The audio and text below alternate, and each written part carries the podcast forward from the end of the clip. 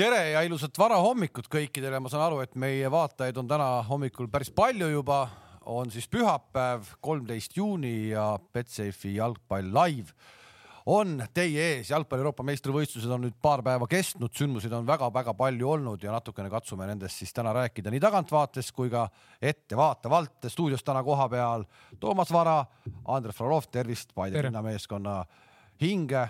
Tarmo Rüütli, tere hommikust. hommikust väga varakult oli mees kohal juba ja Gerd Kamps ka, tere. tervist. ennem kui me läheme, ma ei teagi, möödunud mängude poole, siis hakkame vaatama juba seda, mis täna toimub ja tegelikult on meil täna kohe ka üks külaline võtta ja esmakordselt meie saate ajaloos me saame teha sellise rahvusvahelise touch'i juurde sellele asjale anda. Gerd Kamsil on üks suurepärane sõber eh, ja tema on Inglismaal ja Kamps siis tutvustab seda ise. jah, eh, tegemist siis eh, Chris Cleaveriga mängisime koos äh, kaks tuhat kolmteist äh, Seinajõel, pärast seda sai, sai siis temast Seinajõel treener, nimetati abitreener ja, ja, ja, ja natuke hiljem hakkas mees tegelema siis mängijate vahendamisega ja, ja temast sai jalgpalliagent ja, ja tänaseks hetkeks ma arvan, et me oleme, me oleme väga head sõbrad, ma julgen öelda ja ma arvan, et kõikide Eesti, kõik, no, kõik, kõik ja ma tahtsingi selleni jõuda, et kõikide Eesti jalgpallisõprade rõõmuks tema oli ka selle taga, et, et Ragnar Klavan liikus Augsburgist Liverpooli, et. Äh, so hello, Chris. Hello, guys. Hi, Chris. How are you doing? Everything okay in the in England? Yes, nice and sunny as usual. Good no, day. it's it's That's never uh, it's never sunny in England. It's, there is like rain, there is like rain, snow, and and other things, but. Uh, But yeah, uh, how we should start? Uh, I think like all the people in Estonia, or at least our, our viewers, they want to know what's going to happen with Ragnar Klavan next. But we are not we are not talking about Ragnar Klavan Why? today because uh, we are going to talk a little bit little bit about English national team. So we we we should as, at least try. Yeah. We, so the first question is where Ragnar will play next year. This was the one question I agreed with Gert. If I come on here, like we're not gonna we're not gonna ask anything about Ragnar Klavan. Okay, you set okay. me up here. I mean. Yeah, but, I, but, but Gert, at, least, at, at, least, is not the boss at, least, at least, can you say you know this? He knows everything, Kalev.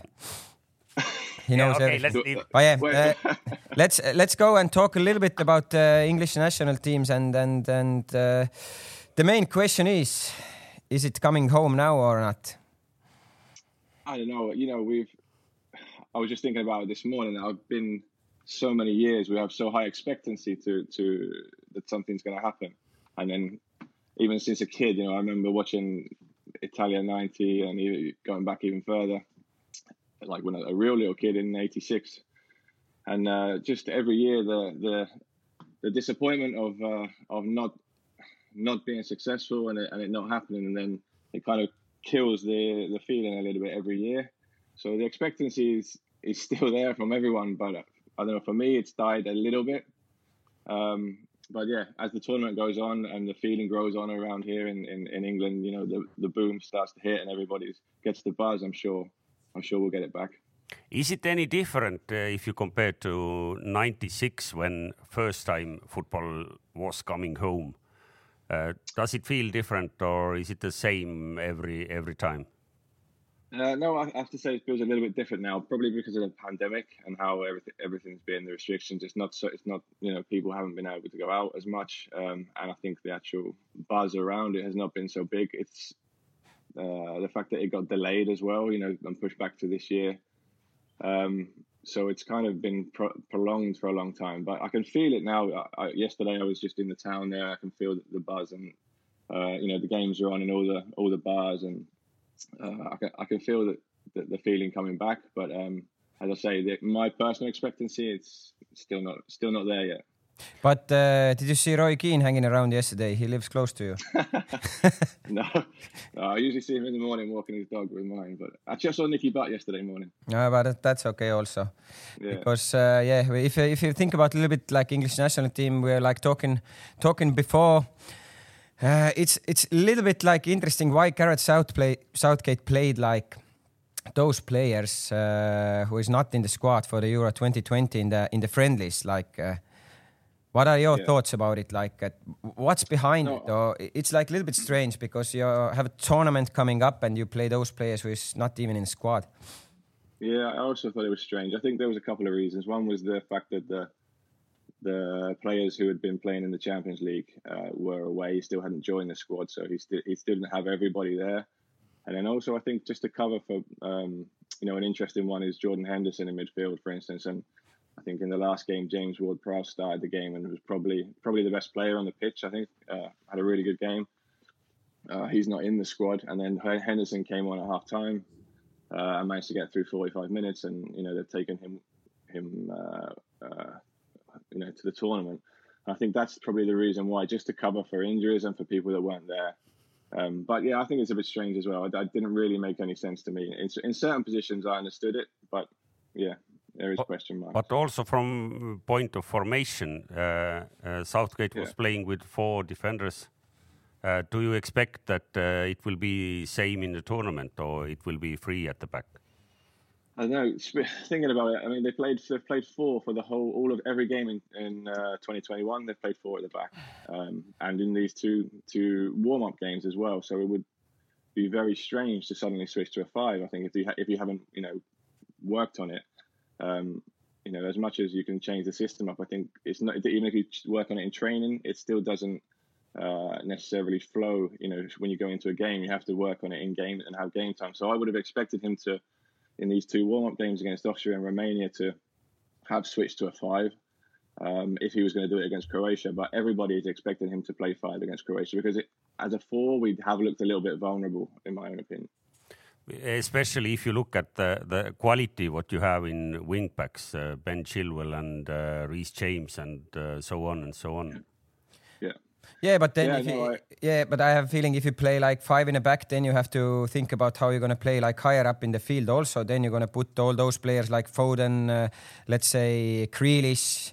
You have to, you know, somehow like put them on this formation because I've read like so many articles uh, where all the like uh, like former footballers are like uh, putting their like perfect squad yeah. on the paper, and it's kind of difficult to be honest.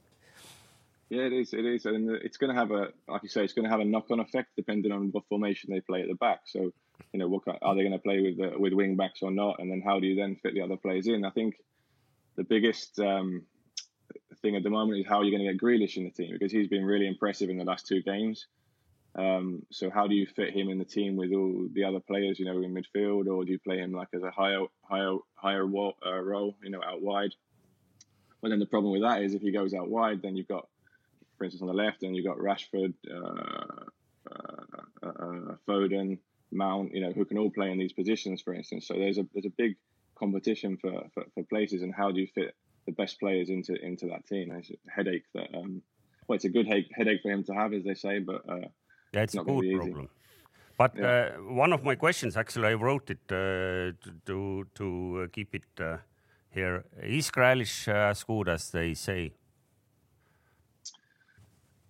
Um, I think he's shown it in the last couple of games. I know you can't just go off two games, but I think it, has been a benefit for him that the, the, tournament was pushed back a bit. It's given him um, this season to kind of show exactly what he can do, and he has impressed in in uh, in all the games he's played. He's you know he, he, he's an impact player who can who can change things and make things happen. So um, I think he is going to be standout in this tournament. I have to say, and he's you know he's he's old now. He's not old. He he hasn't played. He's not that much experience at international level, but you know he's got an old head. He's captain of Aston Villa for a long time, um, and he's not a young lad anymore. So I think he can handle that that pressure as well. Because it, it is linked to the next question, which is that uh, Raheem Sterling is expected to be in the starting lineup. Uh, I understand from the latest uh, stories, and he he has been in the lineup uh, for the most of the Southgate uh, period, right? Yeah. So and, and it raises questions uh, considering what was happening or how it went with uh, City second part of the season, right? So mm. how you feel about this? Um, I think that I, this is a tough one as well. I think I mean Gerd uh, knows my allegiance to Finland as well, and I was watching Finland yesterday, and the the coach ended up going with pretty much all the experienced players, you know, the ones that he trusted for that game yesterday. And okay, it was a strange game from from all points of view, but it, it kind of paid off for them. And I, I don't know is you know Raheem Sterling's quite experienced at international level, and you know, he's played in top games uh, for a, a lot, sustained period of time. So I can understand why he would want him. You know, he trusts him and he would want him in there. Although he has not been probably at his best for the second half of the season, you know, or or this season at all. You know, he's not been maybe the impact player that um, that he was, you know, in previous seasons. Okay, but uh, about today's game uh, uh, against Croatia, it is different Croatia compared what we saw in uh, World Cup, right? Uh, I I believe, and you can correct us that uh, the biggest difference is in the midfield, where we we England has the now we are speaking we. young we England have young players, really talented. Yeah and Croatia has like Modric and uh, and Kovacic and and whoever. Uh, they are really experienced and uh, uh with uh, all the titles uh, in the in the world football. So basically, how you see how it will be today later on. Yeah, this was something I was thinking about. Um, you know, prior to this, prior to coming on here about the midfield. That's probably the question mark for me, the central midfield, because experience wise, if Henderson isn't fit, which I very much doubt him to be, I can't he's, see him starting but, this. But game. maybe he's like doing card tricks in the evenings. yeah. yeah. Sorry, go um, on. Yes, yeah. Um, another one of Gert's unfunny jokes. Uh, so, um, if Henderson isn't there, then you've really holding midfielders is Rice and uh, what's the guy from Leeds? Phillips. Um, yes, Phillips you know, are they, you know, you're putting him them up against the experience of Croatia? Um, I just don't really see see how they can, you know, can compete with that. Uh, I know if you go back to the Liverpool Real Madrid game where Real Madrid had a lot of experience in midfield with Cruz and, and also Modric, and everyone thought that you know Liverpool's midfield being much more active would overrun them necessarily. So you know they would the the, the physical side of things would uh, counteract their experience, and it just didn't happen uh, for Liverpool, and probably could see a similar thing happening today in, the game. To be honest with you, that you know the experience will show through, um, especially in these big games. In the opening games, I think um, you know the, the, experienced heads uh, they do make a difference, um, and, and, that is probably my biggest question on England for the whole of this tournament is. Have they got the experience um, to handle these bigger games? You know, when it gets to the quarterfinals, if they get to that stage, even have they got the experience? And when they have players like uh, you know, Maguire's away, Henderson's away, who you would say probably are the more experienced players. Um, you know, how do they handle that? Okay, uh, back to the very beginning when we uh, were asking about the overall this uh, expectations and and how it uh, feels uh, in England right now. Gareth Southgate wrote an open letter just a few days ago yeah. called "Dear England." Yeah uh, how you feel about this, or uh, I understand the, the the reasoning behind it, but also from here, from far from here, I I also felt a little bit that uh, he was preparing us for something like that. If England will fail, that don't yeah. kill the guys right after, or not kill. I mean like that.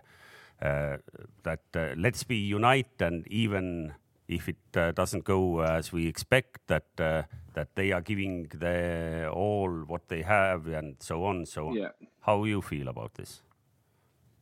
Um, yeah, it was a it was a strange thing. I don't think anyone has ever done that previously um, as an England manager, putting it coming out to a tournament. Um, but I think again, it's um, things are trying to change it. Or things are changing here in England a little bit. Um, I think they're trying to break the mold of how things have gone previously in the past, and that has been probably one of the why the players haven't been able to handle the pressure. Um, you know, because again, the expectations of the public uh, and how the press are. You know, the press are as they are in any country. They're very ruthless here, um, and you know, one mistake it can change a player's life. You know, uh, here, you know, and you know, really harm their career if things don't happen. And I think, given the past year that we've had uh, in the pandemic, um, and even looking at yesterday's game, the Denmark game, and what happened with Eriksen, you know, you have to put things into perspective. And I think that's probably what he was just trying to do, um, just trying to make put put things into perspective for the general public and and uh, make them realize what is important, and, and then using that, using you know the pandemic and the suffering and things that have happened off the back of this year, using that to try and unite the country, which again I understand, and um, hopefully it does have a positive effect. Okay. Okay, and uh, maybe my last question for you would be like, what's your like uh, starting eleven for England? The best starting eleven for you? I knew that you were going to ask me this. Who you So will I- uh, leave out? It's a question. I understand. Yeah. Um, Kane. Surprise. Kane. yeah. Well, it's I, you know, I again, I, I don't know. My again, my my biggest question is the midfield. Who would I put in midfield? And that's probably the toughest one for me because I don't, I wouldn't necessarily think that Rice, even though he's probably the net after Henderson, the, the automatic choice to start in, you know, as a, as a more defensive midfielder, he's a bit of a question mark for me. Um, so I, you know, I, I haven't, I can't really say if I got my my best starting eleven. I don't know. About you would go four in the back or mu- five in too the mu- back? Too much to choose from. Um, I think I would go with with in this first game. I think I would go with with with you know playing a, a five. You know that Gerd comes. So of course, he he doesn't know much, but still a little bit. He says that uh, that team with five at the back uh, can't win the championship. That's my opinion. The teams who is playing, uh, let's say three or five in the back, they're not going to win the championship. How many fans will be in Wembley? Twenty-two thousand or something. Um, actually, I'm not aware. I don't know. But- I don't know. Okay, for me, it's just interesting. Who will be these uh, happy ticket owners who, who will get the tickets? At how it's Oh, how the tickets are allocated. I again, I'm not. I'm sorry. I don't Chris, know that but question. uh, uh, last thing, uh, just give us the correct uh, score for today's uh, England Croatia. Oof. I'm gonna go for, with uh, with a one-one. Good. Uh, same score was when in '96 uh, England started. First match was against uh, Switzerland. But at least, Chris, you can see that I have English shirt on, so I'm Yeah, gonna well, I'm well- gonna count on you guys tonight. Yes, uh, hopefully, hopefully they do it. Yeah. It's, uh, it's- yesterday watching watching Finland, it was nice to watch without any pressure. But today, I, I can already feel, you know, the, like I said, the expectation of England to win already. Okay. Yeah. Thank, you for a yeah. Thank you for a call and God save the Queen, like they say in England. Yes, thanks, Yes. guys. Thanks. you. Bye. Bye. Bye. Have a good day. Bye bye. Nonii, pikk jutt Krisiga, ma proovisin siin midagi üles kirjutada, siis mis need põhipunktid olid. jutt sellest, et on mängitud kogu aeg taga neljaga, et eh, kas mängitakse täna viiega. iseenesest on see kummaline, et ju tegelikult ennem turniiri esimest mängu justkui ei olegi seda formatsiooni paigas veel. kusjuures no mitte keegi ei saa aru Just. ei formatsiooni ega koosseisu, millega täna peale minnakse. jah, see Noh, koosseisu nagu arvamine, koosseisu arvamine on kõige raskem, eks ole. noh, tema rääk-, Kris ütles, et peaks ikkagi minema nagu viiega. no saame siis näha, see on tegelikult iseenesest huvitav, eks, et miks mängis meestega siis eh, kohtumisi eel, noh, soojenduskohtumisi, kus eh, need mehed, kes kaasa ei, ei saanud, et see oli teada, et nad ei tule koondisesse kaasa, et need olid väljakul.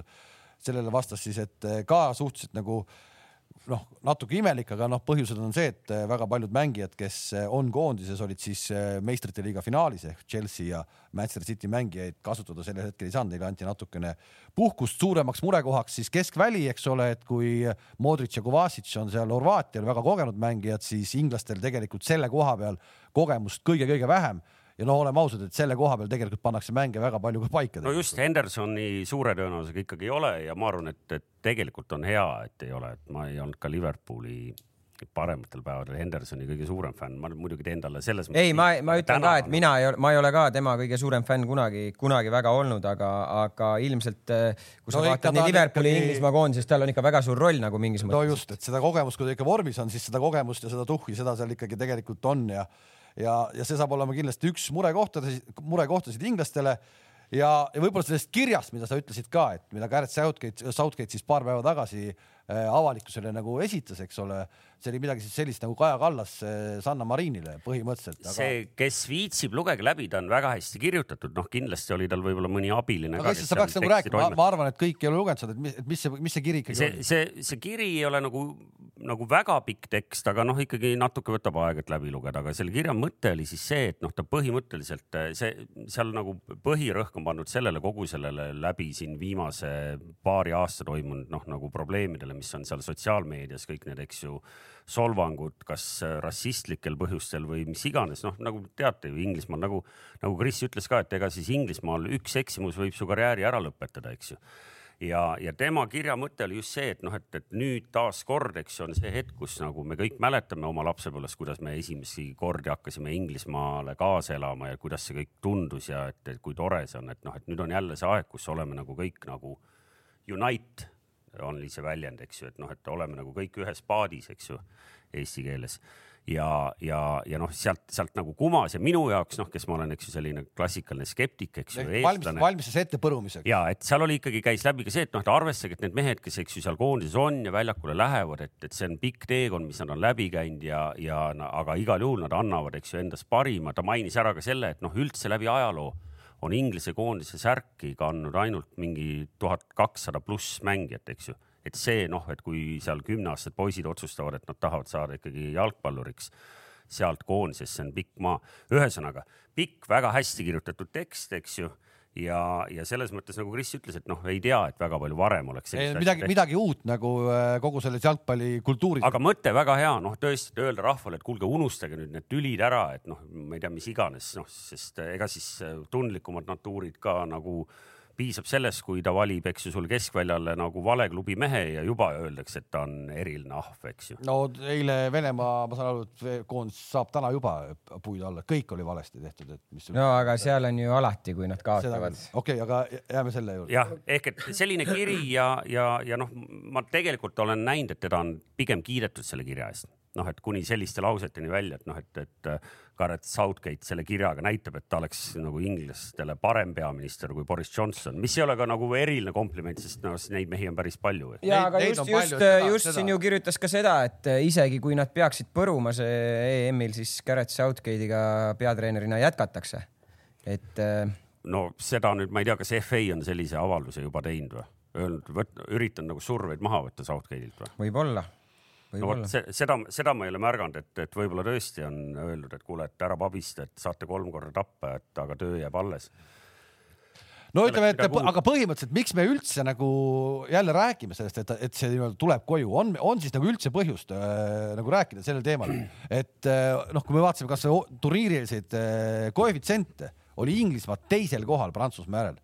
Äh,. kui me praegu Krisi juttu kuulame, kui me Krisi juttu kuulame, ta polegi keskväljal järsku kedagi panna enam seal on, seal on üks põhjus, mis, äh, mis on ka tehniline see on see, et äh, inglased on äh, maailmas keskmiselt rohkem panustamisega tegelev rahvas, mis tähendab seda, et kihlveokontor peab oma riske natuke maandama siis selle võrra koefitsientidega, mis nagu muule maailmale annaks nagu signaali, nad nagu nad oleks hullult äh, favoriit. tugevad. jah teine on see, et noh, kui me vaatame tegelikult täna Inglismaa koondist, Inglismaa, inglased ise on eluaeg oma koondise natuke üles haipinud. mäletame, alles neil oli ju mingi kuldne no, põlvkond, Lampard ja, ja Gerard ja olid tublid mehed, aga täna on ju, kui sa vaatad kasvõi, mis läbi meistrite liiga toimus nagu mingi Phil Foden või, või Mason Mount, neil on päriselt täna noored poisid, kes on kakskümmend napilt täis, eks ju, kes on ikkagi nagu potentsiaalselt nagu nagu superstaarid. siin on võib-olla õige küsida ja kes, kes, ja kes veel ei mänginud kaks tuhat kaheksateist MM-il,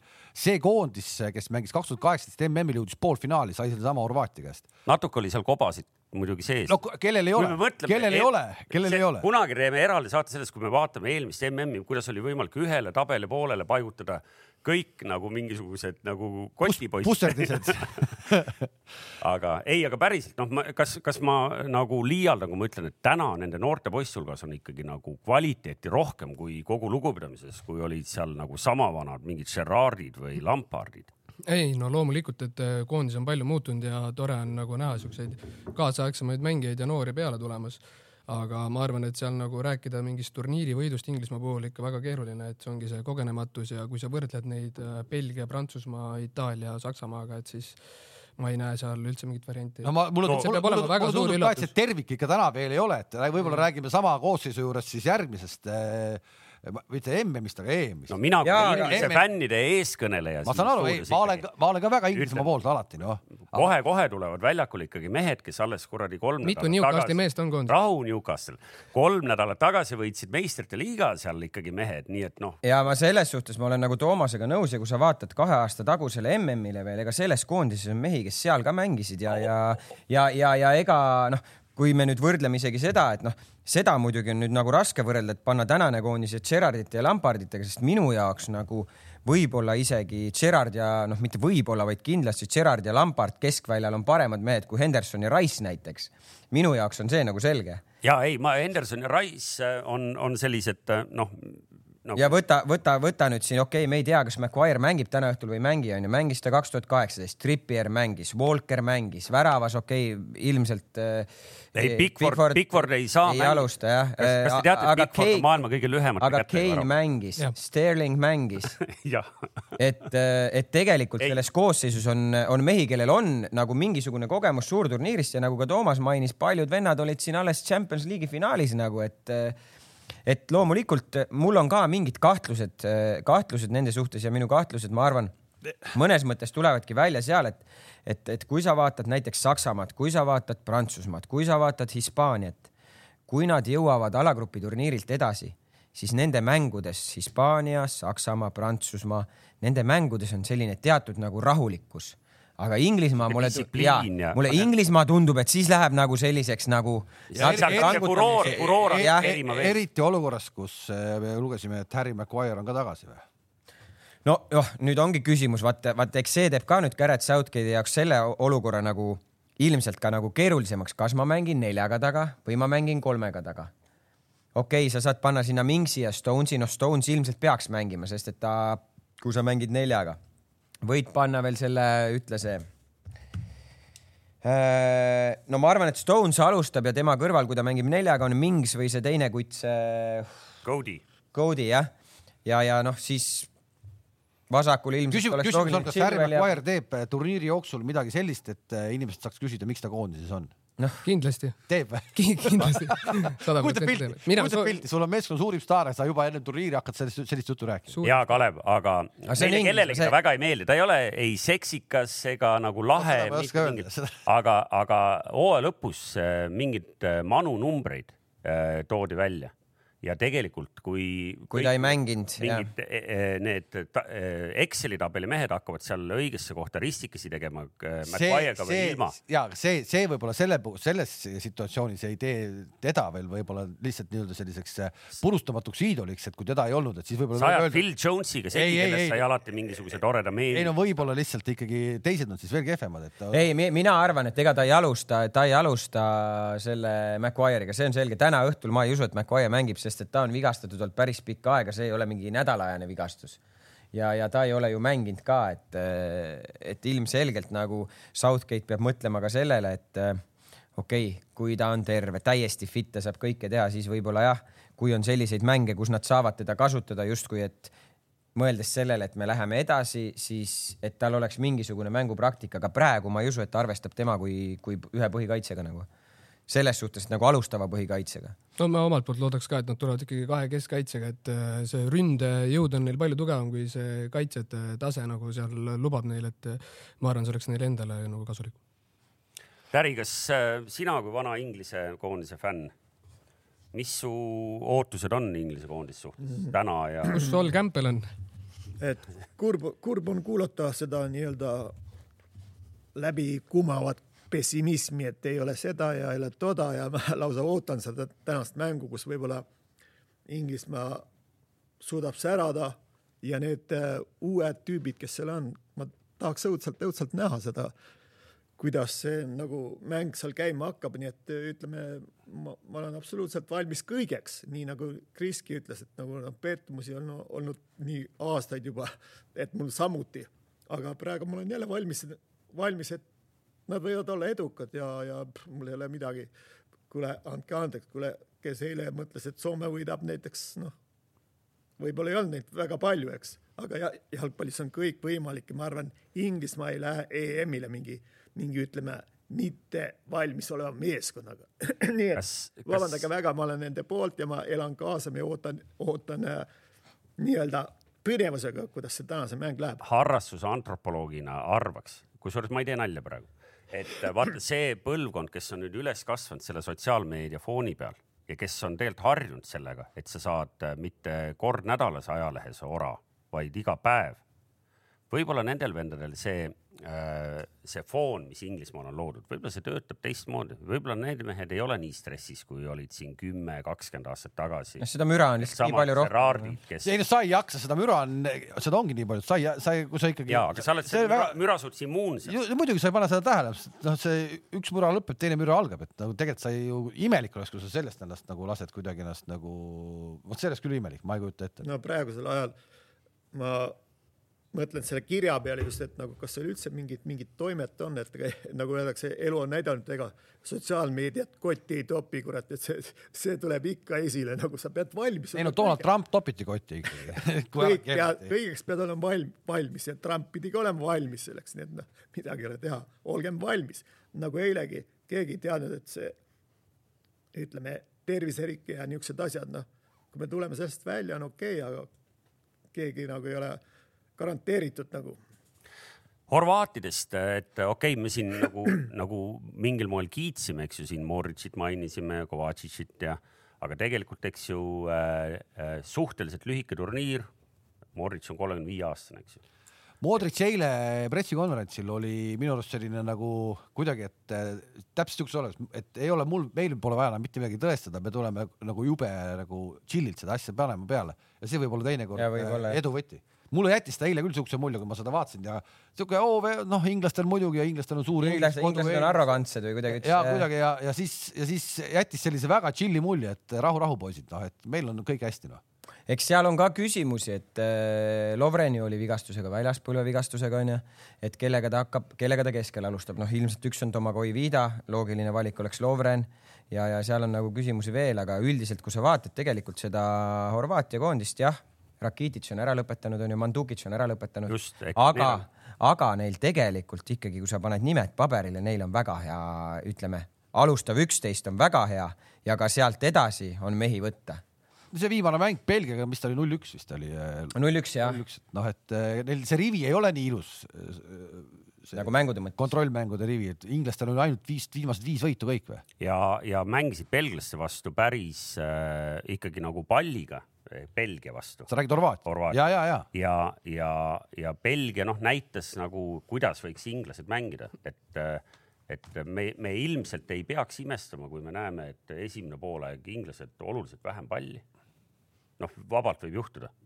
aga, aga et tuleb kannatlik olla, noh, saab näha, kuidas seal need noored kogenematud mehed. no Modrici lause oli, et eh, umbes, et inglastel on tohutu eelis, et mängivad kodus, ma ei tea, kas, kui see nii noor sats on, kas see on eelis, et nad mängivad kodus? ei, ma arvan, see, see on Ah. eelis, mina, mina arvan, et see on eelis selles suhtes juba, kui me nüüd eh, noh, mingi hetk me lähme kindlasti selle, selle Taani ja Soome mängu peale, kui sa vaatad seal, kus see Kopenhaagenis, kus see rahvas seal taga on, see annab meeskonnale selle, selle koduväljaku, sa saad selle no koduväljaku on nii palju suurem jälle. nojah, sinna mahub üheksakümmend midagi tuhat, et see võib-olla hajub laiali, aga küll need Inglise fännid ikkagi oskavad seda müra ka omajagu kuule, ei teha. haju, et mille juurde me tuleme päris lõpus, kes võib-olla juba endamisi küsis, et kas me Eesti koondisest ka räägime, räägime päris Räägime lõpus, siis äh, minu meelest äh, äh, A Le Coq Arena'l need äh, kakssada eestlast, kes seal olid, neid vist kirjade järgi oli küll rohkem, aga noh, ütleme nii, et see fännitribüün seal otsas, minu meelest tegid väga tublisti, tegid möllu. ja tegid küll, Toomas, aga kui sa nüüd paned siis Wembley ja A Le Coq Arena nagu sellisesse suhtesse nagu enda suuruselt, siis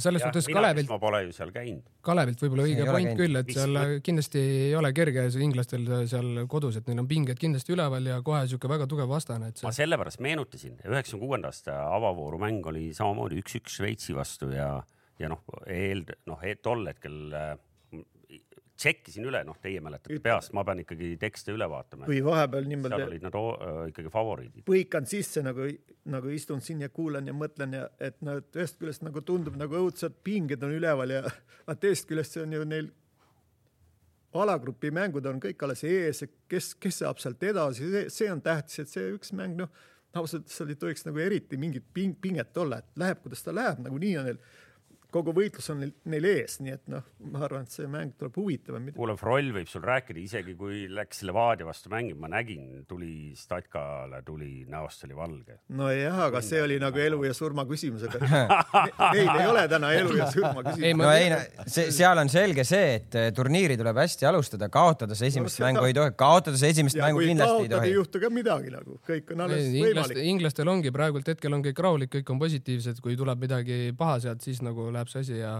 need pinged just öö, ongi seoses konkreetselt Inglismaaga, mis ajalugu on lihtsalt nagu näidanud, et öö, noh, selles suhtes ma loodan ka, et nad on, läheb neil hästi ja saavad kohe pakkudelt minema. jah, praegu, kui me seda saadet siin teeme, kuus pool tundi on mängu alguseni ja. Southgate'il ei ole õrna aimu, kes tal üksteist on, tal ei ole õrna aimu, kes ava lappab ka, üksteist. lappab ka neid eelmiste mängu neid. ei, ei, ta vaatab neid ju nende ekspertide vaata arvamusi, selle No minu nagu-, minu parim üksteist vaata. ära Maguire'it pane. sa ei tea seda mängueelset ööga, ööga, sul ööga vaata, sa unes nägid hommikust söögid ja koosolekud ja lõpuks, lõpuks lähed, viskad vo- voodisse pikali ja siis alles nagu paned paika selle asja. sul on, sul on Aga olnud nii õige., sul on olnud nii. see on õige, sa pead, sa pead vaatama meestele näkku kas, hommikul. kas sa tegid mängueelse nii-öelda nagu viimase treeningu eelmisel päeval justkui oma alg üksteistkümne, üheteistkümnega ja siis kardinaalselt muutsid ei järgmisel no päeval? kardinaalselt. kardinaalselt ei ööga muuda vahetus. midagi, aga ütleme see kuradi Tavaliselt vahetus viimane king- lõuna, eks ole, viimane lõuna on see, kus sa oled koos alles ja sa sa- siis kõik lähevad tubadesse laiali ja sa lähed oma tuppa ja siis viskad debosse ja siis alles paned nagu päris selle viimase koosoleku, mis mängu, mis sa statkal teed. ja kes siis välja jäi tavaliselt sul? kink no Kink kink kink, oli lõunasöögil, pani kolm, kolm portsu pudru, muidugi ta jäi välja, ta ise ei saanud arugi, mis põhjusel, aga Need asjad olid ikka Tarmo, kui paigas. sa meid praegu vaatad seal laagris, siis eh, me ootame sind, et ma tahaks ka kuulda su kommentaare sellele. ei no Ei. king, kingi koht oli nagu, nagu seal pingil. Nagu Kotenko, Kotenko tuli kurat Krakowi vorstiga ja alati oli satsis, nii et ei olnud probleemi. ei, mitte, mitte Kotenko, ta tahtis öelda Pareiko. Pareiko jah, sorry. aga Kingi, jah, Kingiga oli sageli nii, et eelmine mängueelsel treeningul ta oli põhis ja siis, kui Täri tuli enda selle märkmikuga, tegi selle lahti, ütles öösel unes nägin, et vasakul alustab Kruglov, mitte Kink. siis lõhuti kuskil inventori ka või? Okei okay,, ma vaatan kähku üle ka siis Betsafe'i poolt pakutavad koefitsiendid, kui me sellest Inglismaast juba palju räägime äh,. Inglismaa tänane võit üks koma kuuskümmend viis, viik kolm koma kaheksakümmend viis, Horvaatia võit viis koma kaheksakümmend, üle kahe koma viie värava kaks koma kolmkümmend ehk kokku lüüakse üle kahe koma viie värava ja alla kahe koma viie värava üks koma kuuskümmend viis. ma vaatasin inglaste enda selliseid arvamusi, et seesama üks-üks, et selline üle ühe koma viie, selline tundub, et on kõige populaarsem tegelikult. ja selline eripanus on ka veel, et Inglismaa ja Holland ja Hispaania, selline kolmik, kes nüüd varsti siis kõik murule tulevad, täna siis Inglismaa ja Holland, Hispaania vist äh, homme et makspanus on siin kolm eurot ja see on koefitsient on siis seitse. Ja ühe uue kliendiga koefitsiendi ma tahan ka kindlasti ära öelda, et Holland alistab siis täna Ukraina ja see võidukoefitsient on kolmkümmend viis, teha saab ühe eurose panuse ehk uuele kliendile tundub, et midagi vedeleb maa seal. ja ma ütlen ka kõigile, et mina täna ei usu seda, et Holland Ukraina alistab, nii et no, ma just tahtsin küsida, et tegelikult ka me oleme inglastest loomulikel põhjustel, kuna fänne on keskmisest rohkem, oleme palju rääkinud, aga täna siis mängivad veel et C-alagrupi satsid ka, et kas me nendest tahame pikemalt peatuda, sest meil kell armutult ti- tiksub ja meil on siin ju e- no ei- Holland, Holland, Holland, Ukraina tuleb kindlasti ära, ära puudutada. ja aga me, me, me ei pea ju väga nüüd suruma sellesse tunnisesse ajaraami. Ei pea. kui läheme, läheme pikemalt, läheme pikemalt. enne järgmist salvestust tegelikult jõuavad platsil käia kõik, kõik ülejäänud alagrupid, nii et, et me võime ka võtta siin pikemalt ette, kui, kui tahame. ühesõnaga Holland, Ukraina, Holland on äh,, tundub, et selline kõige nagu noh, arusaamatum sats justkui või, et äh, iga, iga turniiri eel ta justkui on, et nüüd ta hakkab tegema ja siis ta nagu teeb ka ja jõuab ka, aga seekord liiga palju nendest ei räägi. ei, ei, ma, ütleks, et eh, nagu iga turniiri eel nad just ei ole selles suhtes arusaamatud, et neil on minu arust asjad paigas, oli see Van Gaaliga või oli see, noh. oli see, oli, oli see Kuumaniga, aga nüüd, kui ma vaatan, peatreener on pressikonverentsil, ei tea, millised mängijatel koosseisus Nii. on, siis noh, siis nagu tundub, et konspektid on natuke nagu midagi on nihkes seal noh. Et ja, ja De Boer tegelikult ta on ju ainult õnnestunud Amsterdami ajaks siis. kuskil Ei mujal ta ju õnnestunud ei ole. nooremad jalgpallisõbrad või isegi vanemad ja väga vanad ei, võib-olla pruugi kohe meeldigi tulla, et äh, Holland ei saanud kahel viimasel korral peale üldse suurturniiril. ja seda küll, nüüd on seitse aastat on. ehk et äh, selles Paus. mõttes see, et äh, noh, ma ei tea, kes, kes seal need nagu mehed on, eks ju, kes tassivad, noh, kes kellega arvates need mehed on. et taas tuleme, eks ju, siin Liverpooli meeste juurde, noh, Vainaldum Newcastle'is tehti tast mängumees, Liverpoolis korjas, eks ju, siis nagu medalid ja karikad. Van Dyke'i ei ole ehk et äh, tegelikult see Holland ei ole selline, nagu me mäletame, mingi kahekümne aasta tagune selline Holland. ei no me see, sa, sa räägid Bergkampist ja Overmarsist onju, aga, aga ega nad ju Nations League'is ju kah, nad tulid ju täiesti ju puhtalt läbi sealt nagu põhimõtteliselt, et, et eks aga, aga minu jaoks kõige suurem küsimärk Hollandi puhul on, on mingis mõttes nagu peatreener, et ja, ja, ja olen lugenud ka Hollandi meediat natuke, mitte küll hollandi keeles, eks olen seal Google'iga translate inud ja lugenud ka Briti meediat, siis, siis kuidagi nagu tundub, et fännid ei ole ka sellega rahul, et De Boeril nagu ei olegi sellist nagu kindlat ka nagu alustavat ühte-teist, et ta kogu aeg nagu no, vahetab ja, ja, ja, ja üritab leida seda parimat nagu kooslust, aga noh, nüüd on see aeg käes, sul on vaja need vennad väljakule panna, eks seal on Depay'd ja asjad, noh. ma arvan, neid aitab oluliselt see, et äh, nüüd ma teen nagu jõulise ennustuse, aga aga vaadates tagasi eilsele Venemaa mängule, ma pakun, et see Ukraina ei ole palju äh, muljetavaldavam. ja mina arvan, et on, Toomas, ja mina arvan, et on. ja, ja, ja, ja miks ma seda arvan, ma olen Ukrainat jälginud viimasel ajal ja, ja mis. sul on sealt mingeid mängijaid tassida vaja? ei, ei, mulle väga meeldib see, mida Ševtšenko teeb.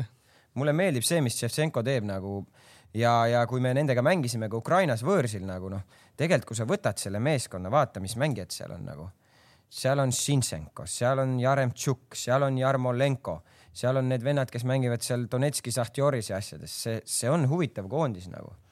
Nad mängivad ka head jalgpalli. ja tuhhi seal on. on, on, seal on hoogu kõvasti noh. Ukraina, Ukraina saab. Jarmolenko üldse seal West Hami eest väljakul käis neli umbes no,. ma arvan ka, et tal on minutit, kakssada minutit. aga vähemalt head treening. ma ei, ma ei taha nagu selles mõttes, ma tegelikult natuke nagu isegi loodan, et näiteks Ukraina-sugune äh, noh, minu põlvkonna mehed mäletavad Ukrainat ikkagi jalgpalliriigina selles mõttes, et Kiievi tünni aegadest, eks ju.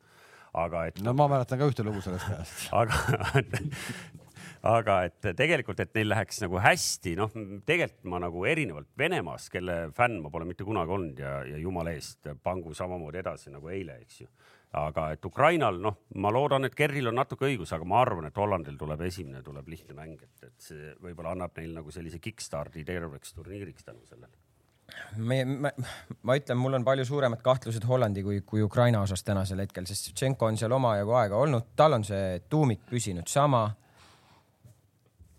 Oleks, oleks tore, Holland muidugi mängib kodus, ärme siis seda unusta, et Amsterdamis on, on Hollandi, Hollandi-Ukraina mäng. nii ja me näeme ära siis ka ennem järgmist salvestust äh, Hispaania minu jaoks on küsimärk, eh, kuidas neid mehi alles praegu süstima hakati, siis kui nii-öelda tulekahju juba toas on, hakati meestele süstima. aga sul ei olnud sellist akent, kus nendele eh, süsti teha, et võtta see noh, see risk. maks nädal, et nad on kuskil ikkagi nagu korraks nagu. sa võtad selle riski jah, sa, sa võtad selle, sa, sa, sa võtad selle riski sellega. Need sa... on, need on treenitud sportlased, nende organism on mürkidest äh, nagu puutumata, see ei ole nagu sinuga, kes sa oled nagu organismi harjutanud kõigi nende neljakümne aasta jooksul. ja, ja. sul läheb. ei, selle, ei, see, see, see on iseenesest teema, noh, suurem juba, et siin oli noh, kasvõi Eesti olümpiakoondise puhul oli, et, et miks me tõesti või nii-öelda ei, ei süsti neid ära. valitsus no, ei olnud nõus. nii, siis me nägimegi, et Seimi olümpia põhimõtteliselt läkski sinna, et sellega on korras, et äh, aga siis nüüd tehakse. aga see oli ka, et sa ei saa liiga hiljaks seda jätta, seda süstimist, et sul juba, juba kuu aega ennem olümpiat või kaks kuud ennem olümpiat, sa ei saa seda jätta, sest kui tulebki see kolmepäevane pauk sisse, eks ole, et sa siruli maas, siis see lööb sulle ikkagi nagu väga valusalt nagu, nagu sellele treeningutele. ma saan sellest Hispaaniast ka aru, aga põhimõtteliselt kuidagi oleks võinud selle süsteemi teha onju. aga, aga, aga nüüd, aga, aga nüüd hakati siis tegema. jalgpalliskeenes, Kalev, on see veel retsim, sest need vennad mängisid iga nädal mõni kaks mängu nädalas. Ma saan aru, selle kevadel. ja aga see, ei, see ongi probleem, aga nüüd, arust... aga ega see aken praegu ka õige ei ole siis ju, kui praegu hakatakse kogu sats laagris ära. põhikoosseisust kaheksa meest on võib-olla kolm päeva siruli maas, on see EM mängitud ju. ei olegi, aga huvitav ongi see, kui sa mõtled nüüd, me räägime tänasel hetkel ainult Hispaaniast, kes nagu vaktsineeritud on, teiste meeskondade kohta pole ju. see on lihtsalt sealt on üles tulnud, et see, see on, see on järjekordselt nagu teema teisest minu nii-öelda alas, kus ma olen nagu autorallis, kus WRC põhi, põhisõitjad, keegi ei haigestu tagantjärgi tagumised mehed, väiksemate autodega mehed järjest kukuvad ära. mulle, sest seal tundub, et nagu Virtsu mehed on ikka kõik süsti saanud juba, aga see ongi see, et me ei tea, me ei tea lihtsalt, me ainult siis hakatakse rääkima, kui probleem on majas, et siis nagu räägitakse. aga mulle tunduks küll loogiline, et kõik, sa oled vaktsineeritud, sa oled vaktsineeritud, eks noh, Eesti koondis, ma kujutan ette, kõik vaktsineeritud, kust? siin ei, ei ole seal ei ole või, ei ole või, kas ei- Eesti koondis ei ole või? kõik küll ei ole, seal on ju palju läbipõdenuid ka omajagu juba. No ja, ja, aga ja, suur pigem on ikka ja, no ja mõni, ja aga mõni noh. mees ju ütleb ka, et ta ei taha vaktsiini. see on teine, see on teine asi, see on teine. seal, seal tegelikult noh, kui oleks olnud ju võimalik nagu lasta nagu erainitsiatiivil, eks ju, möllata, ega siis mis sa mõtled, et Urmas Sõõrumaa poleks ise toonud need vaktsiinid ära ja, ja kõik need, kes iganes juba on olümpial meie omadest või veel kandideerimas, need oleks kõik ammu ära süstitud. aga seda ei olnud nagu tehniliselt võimalik teha ju. Pakkusid ju siin mitmed ärimehed, et davai, me toome. aga nüüd ma sain aru, et Tallink ju hakkab vaktsineerima mingi aja pärast laevadel. ja ei, nüüd hakkab. Ei, noh, nüüd on kõik- see, see- see, see- see, selle kohta lugege muide rahvas, kes tahab nagu Eesti sotsiaal või tähendab siis äh, Sotsiaalministeeriumi ja Terviseameti võimekusest aru saada, vot see Paavo Nõgese artikkel lugege läbi, see on põnev lugemine. okei okay,, läksime vähe, vähe lappama teistele teemadele, aga see on lihtsalt minu jaoks on see lihtsalt nagu huvitav jah, et, et aga, et kui, kui nüüd hispaanlased tehakse need kõigil need süstid ära ja kui seal viiskümmend protsenti meestest ongi siruli maas, et eh, mis no see siis- teine viiskümmend protsenti on ka päris head mängumehed. no on küll. ei no selles suhtes ja ega midagi väga suurt ei juhtu, aga jah, tundub natuke, et see koondise aken praegu hakkas juba ikkagi, ma ei tea, neliteist päeva tagasi, et nagu oleks võinud paremini lahendada, aga eks kui tulekahi juba seal põles, siis hakati tegutsema ja kes teab, mis põhjust oli saadud, et natuke imelik tundub, et neli päeva enne või viis päeva, et aga aga noh, loodame ja ilmselt seal midagi nagu tõsist ei juhtu. no Busquets õnneks on nüüd juba terve, ma arvan, et, et, et äh, saab meeskonnaga liituda, noh, ilmselt homme veel ta põllul ei ole. aga Hispaaniast räägime nüüd pikemalt või? ei, me ei pea, räägi me ei meile pea,. räägi meile. ei noh, räägi. ei, siin ei ole midagi rääkida, Saksamaad ju sakutati siin kuus-null või palju see oli, et, et sellega ongi ei huvitav, mulle see Hispaania värk on tegelikult kogu aeg meeldinud ja mulle meeldib see jalgpall, mis nad mängivad ja Luis Enrique treenerina ja, ja ta ei, mis mulle nagu tema puhul nagu huvitav on, et mulle tundub nagu, et ta ei vali nagu neid vendasid sinna nagu nimede järgi, et ta, aga ta me, nagu kas me oskame täna siit koha pealt panna nagu konteksti kogu Hispaaniat teemas, kus Real Madridi mängijaid seal ei ole? Koondis no see on päris Aga- uskumatu. see on nagu selles mõttes nagu täiesti raju see raju, mis vend endale nagu peale võttis, noh. seda küll ja, aga, aga selles suhtes, kui sa nüüd mõtled ka sellele, et aga kelle sa siis sealt võtnud lõpuks oleks, kelle, kelle sa oleks võtnud no me siin oma eelnevates saadetes tegelikult neid nimesid oleme ette lugenud. Ramos, Ramos, Ramos oli ainuke, okei okay,, Ramos mängis kaks tuhat kakskümmend üks aastal äh, kaks mängu kokku, sa ei saa ju selle pealt teda võtta, noh, selles suhtes, sa saad võtta teda nagu Jordan Hendersoni, kes et teda ei oleks saanud võtta ainult riietusruumi ja no see on üks küsimus, jah, see on üks küsimus, aga, aga noh, see on nagu mingis mõttes risk, okei okay,, see nagu samas ei ole ka risk, aga te ju ise kommenteerisite seda mängu, kus Kalev ütles järjekordselt nagu, et Ramose aeg on ka läbi. ei, ma ütlesin, et sellest, Kams, sa, ma ei viitsi vaielda. no Messi ja Ronaldo ja Ramose aeg on läbi. no Messi aeg on ammu läbi, okei selleks, aga, aga ei noh, see ongi see, see ongi see, keda võtta, keda mitte. kes mängis see, nagu kaugemal, võtame lihtsalt siis noh, Real Madrid, noh, kas ta, kas ta mängis halvasti selle hooaja siis kogu see sats või, seal ei ole hispaanlased siis või? ei noh, kui, kui sa nüüd hakkad võtma, hakkad tulema sealt äh, täiesti alt, noh, kelle sa seal Hispaania koondise kaitses siis võtad, Ramos, okei okay,, see Nacho Monrea- või see Nacho mängis mingi aeg tal, sest et Ramos oli vigane äh,. Lähme sealt edasi äh,. Variant on võtta Asensio, Lukas Vaskes, minu arust Lukas Vaskes oli ka pikemalt vigastatud. Lukas Vaskes, Asensio ja, ja kes need ülejäänud hispaanlased siis on? terve Lukas Vaskes ja, ja ka Asensio mõlemad tegelikult ikkagi, ma ei kujuta ühtegi teist äh, satsi Euroopas, kuhu nad ei mahuks.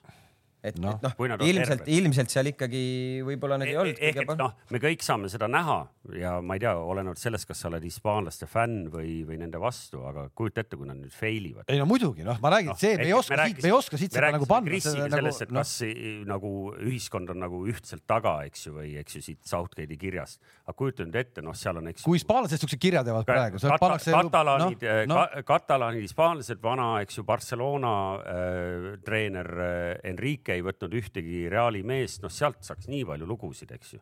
et seal on ju, et võib-olla lähevad üldse U kahekümne ühega ka peale, et see variant ju on ka veel, et äkki seal on mõni Reali mees siis või?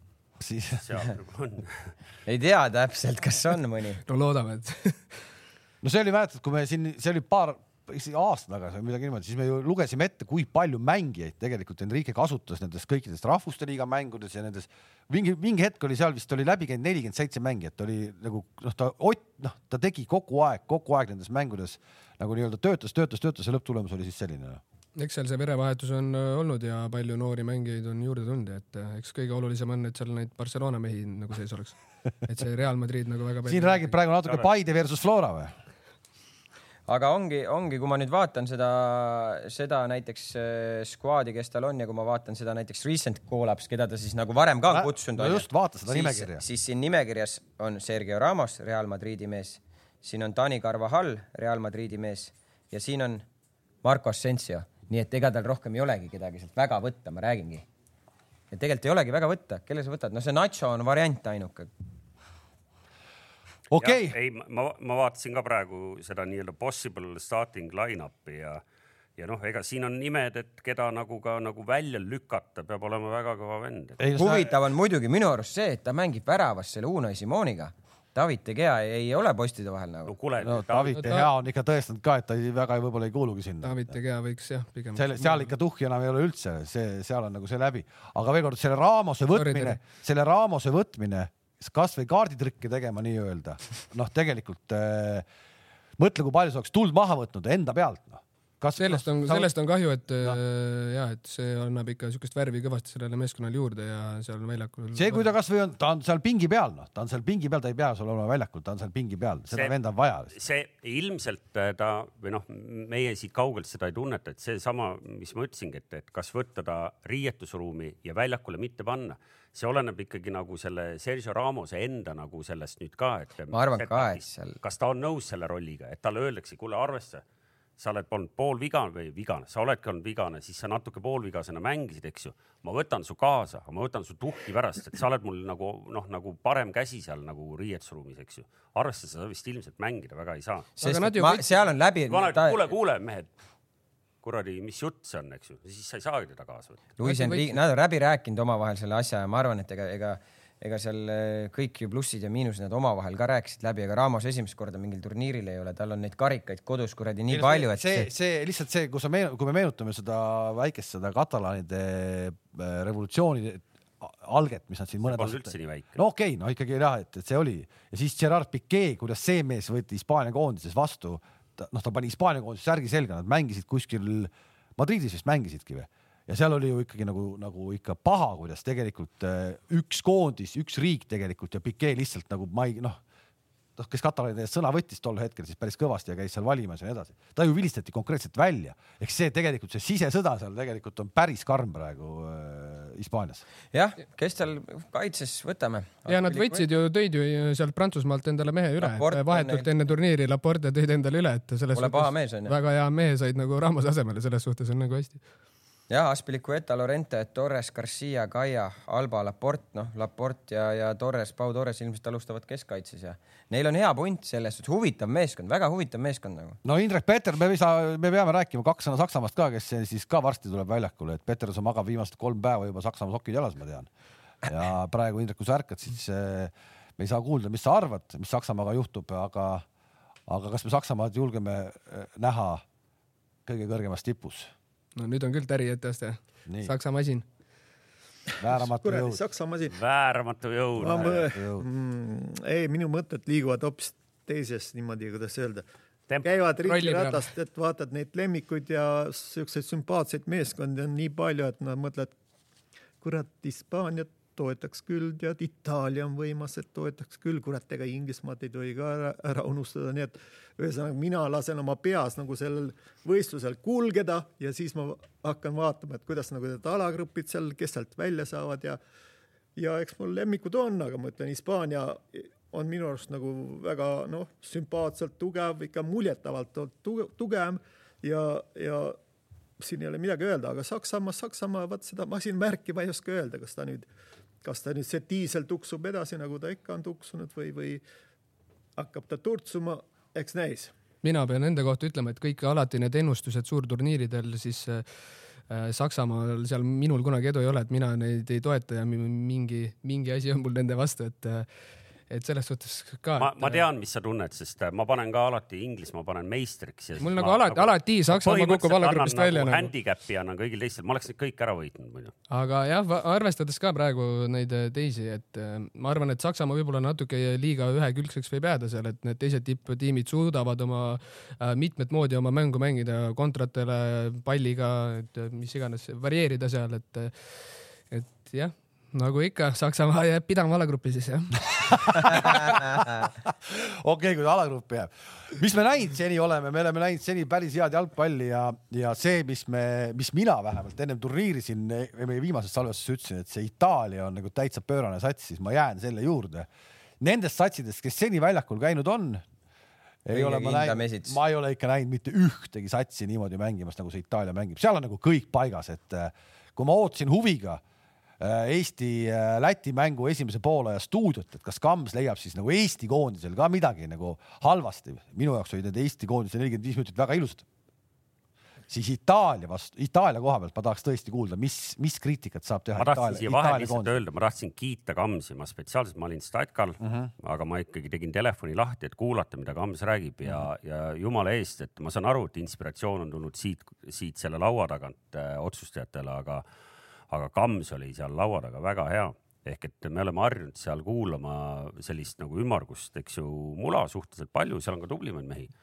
Kams on väga asja. teinekordki jah. ja oota, räägime, kas te nägite Itaaliale mõne nõrga koha oota, kiitke veel natuke. oota, oota, oota No mina- mina nägin. see, see oli, tegelikult oli üllatav, et, et nad äh, nagu nii selgelt üle olid, sest äh, ma, ma, äh, Eesti mäng oli neljapäeval, eks ju, päev enne. Ja kümnendal., ja noh, legendaarne Eesti kõige kuulsam türklane, eks ju, Mustafa oli tööl ja, ja tuli ise rääkima, küsis, et noh, mis ma arvan. noh, ma nagu viisaka inimesena ütlesin, et noh, ma ei tea, et Türgil võib-olla natuke on võimalusi, eks ju, et siin midagi nagu on, aga et noh, et, et Itaalia nii hea praegu. ja ta siiralt mulle rääkis, kui tugev on Türgi praegu. noh, tal on vaata, tal. mis võibki olla tõsi, mis võibki olla ta tõsi aga lihtsalt see Itaalia on nii kuradi kõva noh. vaatasin ja kuulasin teda ja mõtlesin, huvitav, et noh, ta tõepoolest ju teab, eks ju nende mängijate kohta nii palju ja miks ja just ja, ja ma nägin ise, et ta nagu siiralt uskus, ta nagu ei rääkinud seda nagu ma siin võib-olla, et oo, et näe, Inglismaa läheb ja paneb tegelikult nagu lahmin, eks ju, tema nagu rääkis seda nagu oma parima teadmise pealt ja siis ma nagu mõtlesin, et ohoh ja siis läksin ja vaatasin kakskümmend neli tundi hiljem, eks ju, telekast ja vaatasin, kurat, no sealt ei tule midagi. ja ma olin, ma, ma olen nagu, ma olen sellega nõus, et ma olen väga üllatunud nagu selles suhtes nagu üllatunud, et kui sa võtad lahti selle Türgi näiteks algkoosseisu, see on tegelikult väga tugev, see on väga tugev nagu võta seal see Sojunku, võta see Demiral, võta see ründaja, kes selle Lilliga meistriks tuli, Burak Ilmaš on ju, et, et see, see tege-, see on hea koosseis, aga no tõesti, nagu me ka rääkisime siin, Itaalial on see uus hingamine, enne mängu juba sa, sa näed hümnist ära sa näed hümnist ära, millise, kuidas see hakkab laulma. aga see on ka see, mida ma räägin, kuidas tullakse riietusruumist aga välja, see on, tullakse see riietusruumist on välja. noh. Itaalia, see on Itaalia, me ei räägi teisi konteksti, see, see itaallastel minu arust sa saad alati aru seda, kuidas nad hümni laulavad. nii kui hakkasid vanasti need bufoonid ja asjad seal panema seal korraliku sellise kõrge, kõrge häälega, nii oli mäng ka selline ja, ja nüüd oli täpselt samamoodi. Ei, ja no siis, ma- ja siis veel loed seda taustalugu nagu seal mingi Ciro Immobile lööb värava ja, ja, ja, ja siis karjub sinna kaamerasse mingi asja nagu alguses ma ei saanud pihta, et mis asi see nüüd on. see, kuidas pall liikus, ma kujutan ette, Peep Guardiola tahaks ka, et Manchester City's ka pall nii kiiresti liiguks seal ründefaasis. see Türgi ju kaitses nagu, nagu meeletu, aga nad ei jõua järgi, see Demirali oma värav, see oli ju asjade loogiline, kuulge, et sealt midagi peab tulema see on surve tulemus. nii, nii tugev no, surve no. oli, aga, aga kust jälle asjad algavad nagu? sul on Bonucci Chiellini, kes eh, noh, mis, mis me räägime üldse? mis, mis me sellest paarist räägime, seal ei ole ka vaja midagi rääkida. aga nagu Morinho ütles, et võivad. see oligi, et kui Türgi jõudis korraks kasti, siis tekkis siuke olukord, ohoh, kohe tuleb Jaa. midagi, noh, tegelikult ei, ei, ei, see ei saa tulla. seal ei, ja, ja seal ei saa tulla, sest need mehed on ju, kuidas see ütles, see Morinho, et nad võiks anda ülikoolis tunde, kuidas eh, keskkaitse mängima peab. no noh. noh, sul on Donnarumma väravas ja siis, kui sa hakkad selle üleval, ülespoole minema, sul on. no Donna, Donnarummast oli selles mõttes isegi veits kohati kahju, ta sugulast tahtsid ka näha, ta mängib koondise eest tiitlivõistlustel, noh, aga ei näinud vist noh. Ei no Ja- selles suhtes jah, mina ootasin ka seda Türgit, et ma arvan, et seal turniiril kõige sihuke emotsionaalsuse pealt nagu panev ja küttev nagu meeskond, aga selles mängus jah, et no, nagu sa rääkisid Itaaliast, seda ma ütlengi, et mängud ei ole ju vennad, lõppude lõpuks kelle vastu sa mängid, no ega sa ei saa, ootusi ei saa ajada lihtsalt lakke, et sa mängid Itaalia vastu ja nüüd Türk, Türgi peab olema imehea, et nagu ta, ta võibki olla imehea, aga see selgub nüüd eda-, edasistes mängudes, nii et selles mängus oli selge favoriit ja Itaalia võttis oma, nii et noh, et jah, Türgile, saab edasi. Türgile ei sobinud see võib-olla nii madalal istumine, aga eks neil väga palju muud varianti ei olnud ja Itaalia,, seal korra oli, seal korra oli mingi koht, kus nad üritasid ise kõrget pressi teha, siis Itaalia näitas kohe pika sööduga ette ka, et nad suudavad selle ka ja kohe oli seal äär vaba Et-. Nad mitte kuidagi ei saanud. ei, väga mitmekülgne on see Itaalia mäng nagu. ja aga pigem oli Türgi probleemiks, ma arvan, see palliga mäng, et tagant nagu ei leitud loogilisi käike, et see väravavaht seal lõi üle staadioni katuse neid palle terve aeg ja vaatasid küll, et jube kõva löök, Türgi mingi probleemiks oli see, et vastas oli Itaalia, see oli kõige suurem probleem. nii et edaspidi võib minna kergemaks. see natukene mulle see, see praegune Itaalia meenutab seda, seda Sarri Napolit. Et sellise nagu siukse nagu hea nagu flow'ga nagu mängitakse, et rünnakul sihuke väga mitmekülgne, seal siblivad need insigned ja, ja asjad ja selline.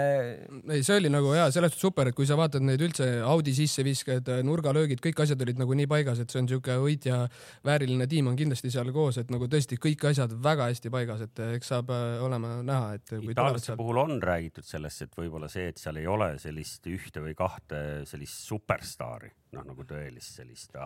superstaare vaja neil kaitses, need on seal olemas, need kaitse superstaarid on olemas, sinna ette siukeseid ja jonn, jonnivaid superstaare pole vaja. see, et äh, Immobile lõi kohe esimeses mängus värava, eks ju, noh, Immobile, kes äh, ma ei tea, kümme aastat järjest, noh piltlikult öeldes viis aastat järjest on Serie A-s tagunud. kakskümmend viis pluss või kakskümmend pluss jah.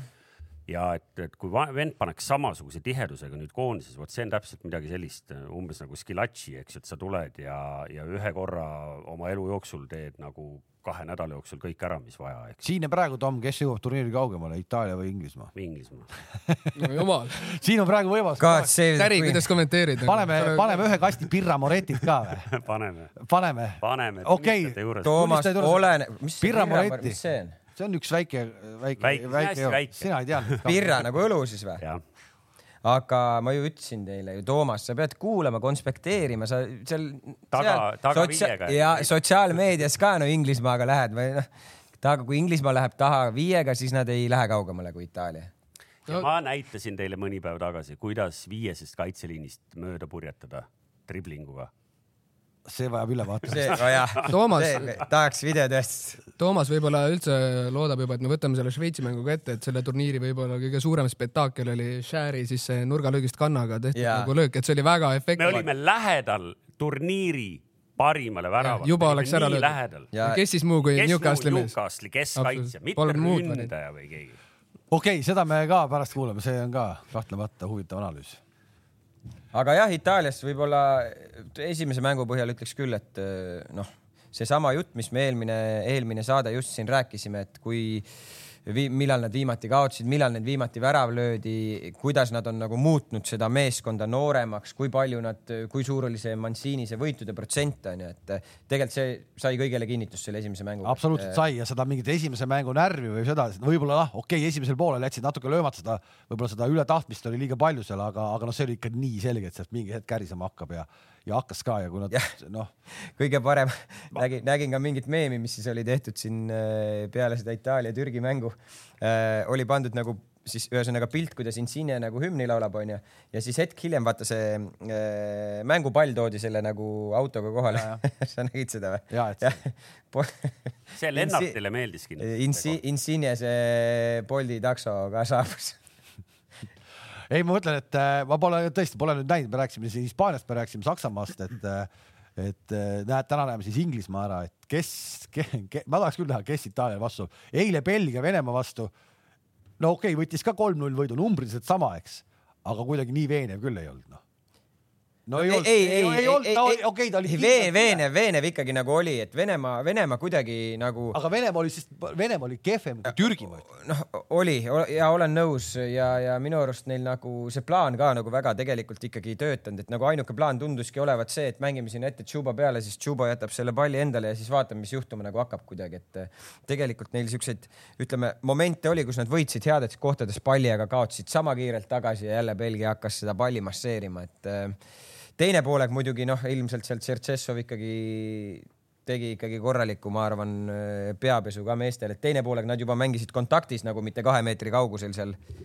lihtsalt ei, ei patseerinud, et mängige. loomulikult tegi, tegi treener seal kõvemat häält ja, ja, ja, ja mehed tulid natuke parema tuhhiga peale, aga noh, sa pead arvestama, kaks-null oli seis. ei, kõik see on kõik. Belgia-sugune sats juba sel hetkel mõtles ikkagi seda, et, et mängime nüüd rahulikult, noh, nad ei läinud sinna seisma, eks ju, aga et noh, pikk turniir on ees, noh seda no no, ja, näha ja, aga see mäng oli nagu selles, Venemaal ei ole kvaliteeti. seal ei ole, seal ei ole midagi, see oli sel-, Aga- selles mängus põnevust nagu ei tekkinud. aga võib-olla ka venelased on mõelnud sellele pigem nagu niimoodi, et esimene mäng belglaste vastu.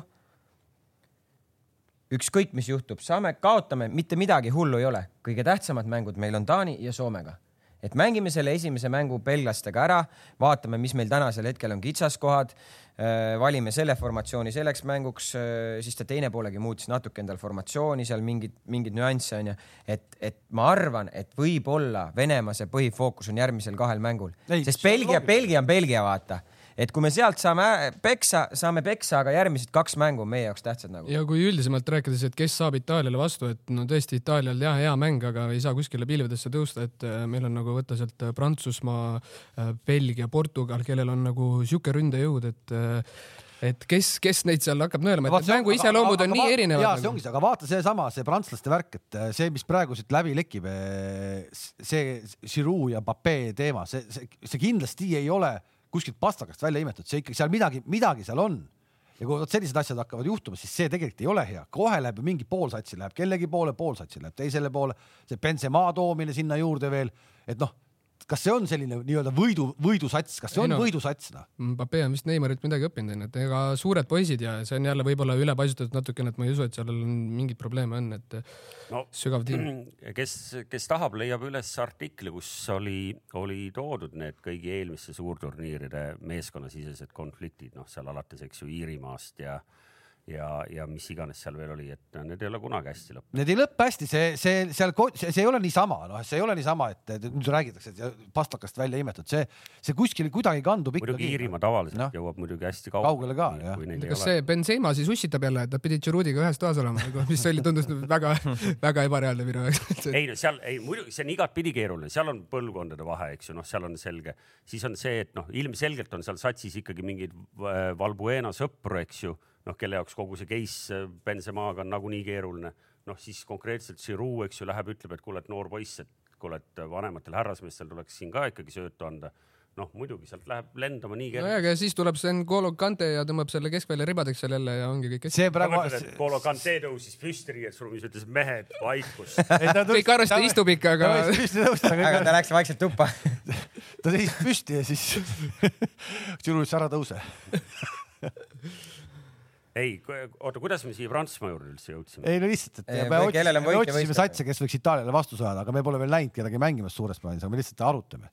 Kui sa oled natuke maha jäänud praegu ja, et no Ma Bel- Belgiat nägime ja, et selles suhtes, et öö, ootaks seda ma lihtsalt sinna. kes, kes võib-olla mõtleb ja küsib, siis me oleme uuesti jälle eetris kolmapäeva hommikul, nii et, et selleks ajaks meil just täpselt kolmapäeval hakkab näiteks Itaalia uuesti mängima, nii et me saame ilmselt Itaaliat ka veel kolmapäeva hommikul natuke. selleks ajaks saab see saade läbi ilmselt ka. ja mis on olnud muidugi selle turniiri seni kõige üks vägevamaid asju loomulikult on see, et see, et publik on see, noh, see ilma publikuta oleks seda turniiri, ma ei kujuta ette, ma ei, ma ei taha. päris plässi. päris pläss, et selles mõttes see oli Oki mm äsja lõppenud ja Tatšuki jutt pärast seda, et ta ei vaadanud ühtegi mängu Vene äh, nii-öelda üldse, mitte rääkimata Venemaast, vaid ta ei vaadanud ühtegi mängu, sest ta ei saa aru, kellele seda mängu mängiti. jumala täp täpselt sama asi oli see, et äh, ikkagi tehti see otsus, et mängitakse ja mingigi publik on statal. no see on ikka vägev, noh, midagi teha ei ole. ei, loomulikult äh, nende jaoks seda, nende, meie jaoks seda ju tehakse. Teie inglaste jaoks siis või? ja selle, sellepärast oli huvitav tegelikult noh, et mismoodi tegelikult inglased alati, seal on pileti defitsiit, nüüd lastakse kakskümmend kaks tuhat vist täna Wembley'le, et kuidas, kes need olid siis, kes täna ja, aga seal on, seal on süsteemid on paigas, seal on ametlikud fänniorganisatsioonid, kelle kaudu. aga ka seal ei jätku kõikidele härradele ikkagi jätku. muidugi ei jätku, sul on staaž, sa pead olema vanem no mäletad, mäletad seal, mäletad seal Portugalis kunagi me seal mingite vendadega rääkisime, seal oli et põhimõtteliselt sada tuhat tuli neid sinna Lissaboni kohale, piletid üldse vist seitsekümmend tuhat jagati ainult mingid nii-öelda staažikatele, mingitele tegelastele, eks. nüüd on see piletid üldse kakskümmend kaks tuhat ainult noh. jah, see, see aasta muidugi turniir on teistmoodi, aga muidu see on ju hästi tavaline, et inglise, inglased oma fännidele suunavad sõnumid, et ärge tulge kohale, kui teil ei ole piletit, sest niigi on nendega, eks ju, seal pahandust vahel linna peal ja ja seekord siis veidi teistmoodi, aga, aga see on kogu aeg noh, see reisiv seltskond, kes loodab sealt tänavalt osta või kellele piisab ainult sellest jauramisest. üleeile viis aastat tagasi olin äh, Marseille kesklinnas, tegin ka möllu ja, ja jook, jooksis, jooksis venelaste eest ära. tegin ka möllu. see, kuidas see vana Tom möllu teeb, ma olen paari suurturniiril näinud. See on siis pärast teist Pirra Moretit on särk seljast ära ja, ja niimoodi. nagu kõva häälega midagi. ei, ei, nagu lihtsalt. ta teeb lihtsalt niimoodi, tuult. ei, tead, tead, mis on, õppige see ära või tehke järgi kuidagi, mis on inglise, inglise fännide üks kõige toredamaid nagu protseduure või rituaale mängu eel või järel või mis nad teevad. eks ju lisaks sellele, et nad vallutavad siis selle kuskil mingi platsi ära ja lipud on üleval, mis on nagu visuaalselt vägev. noh, jauramine käib, sihuke klassikaline jauram, mitte millegi poolest ei erine õllesummerist, eks ju.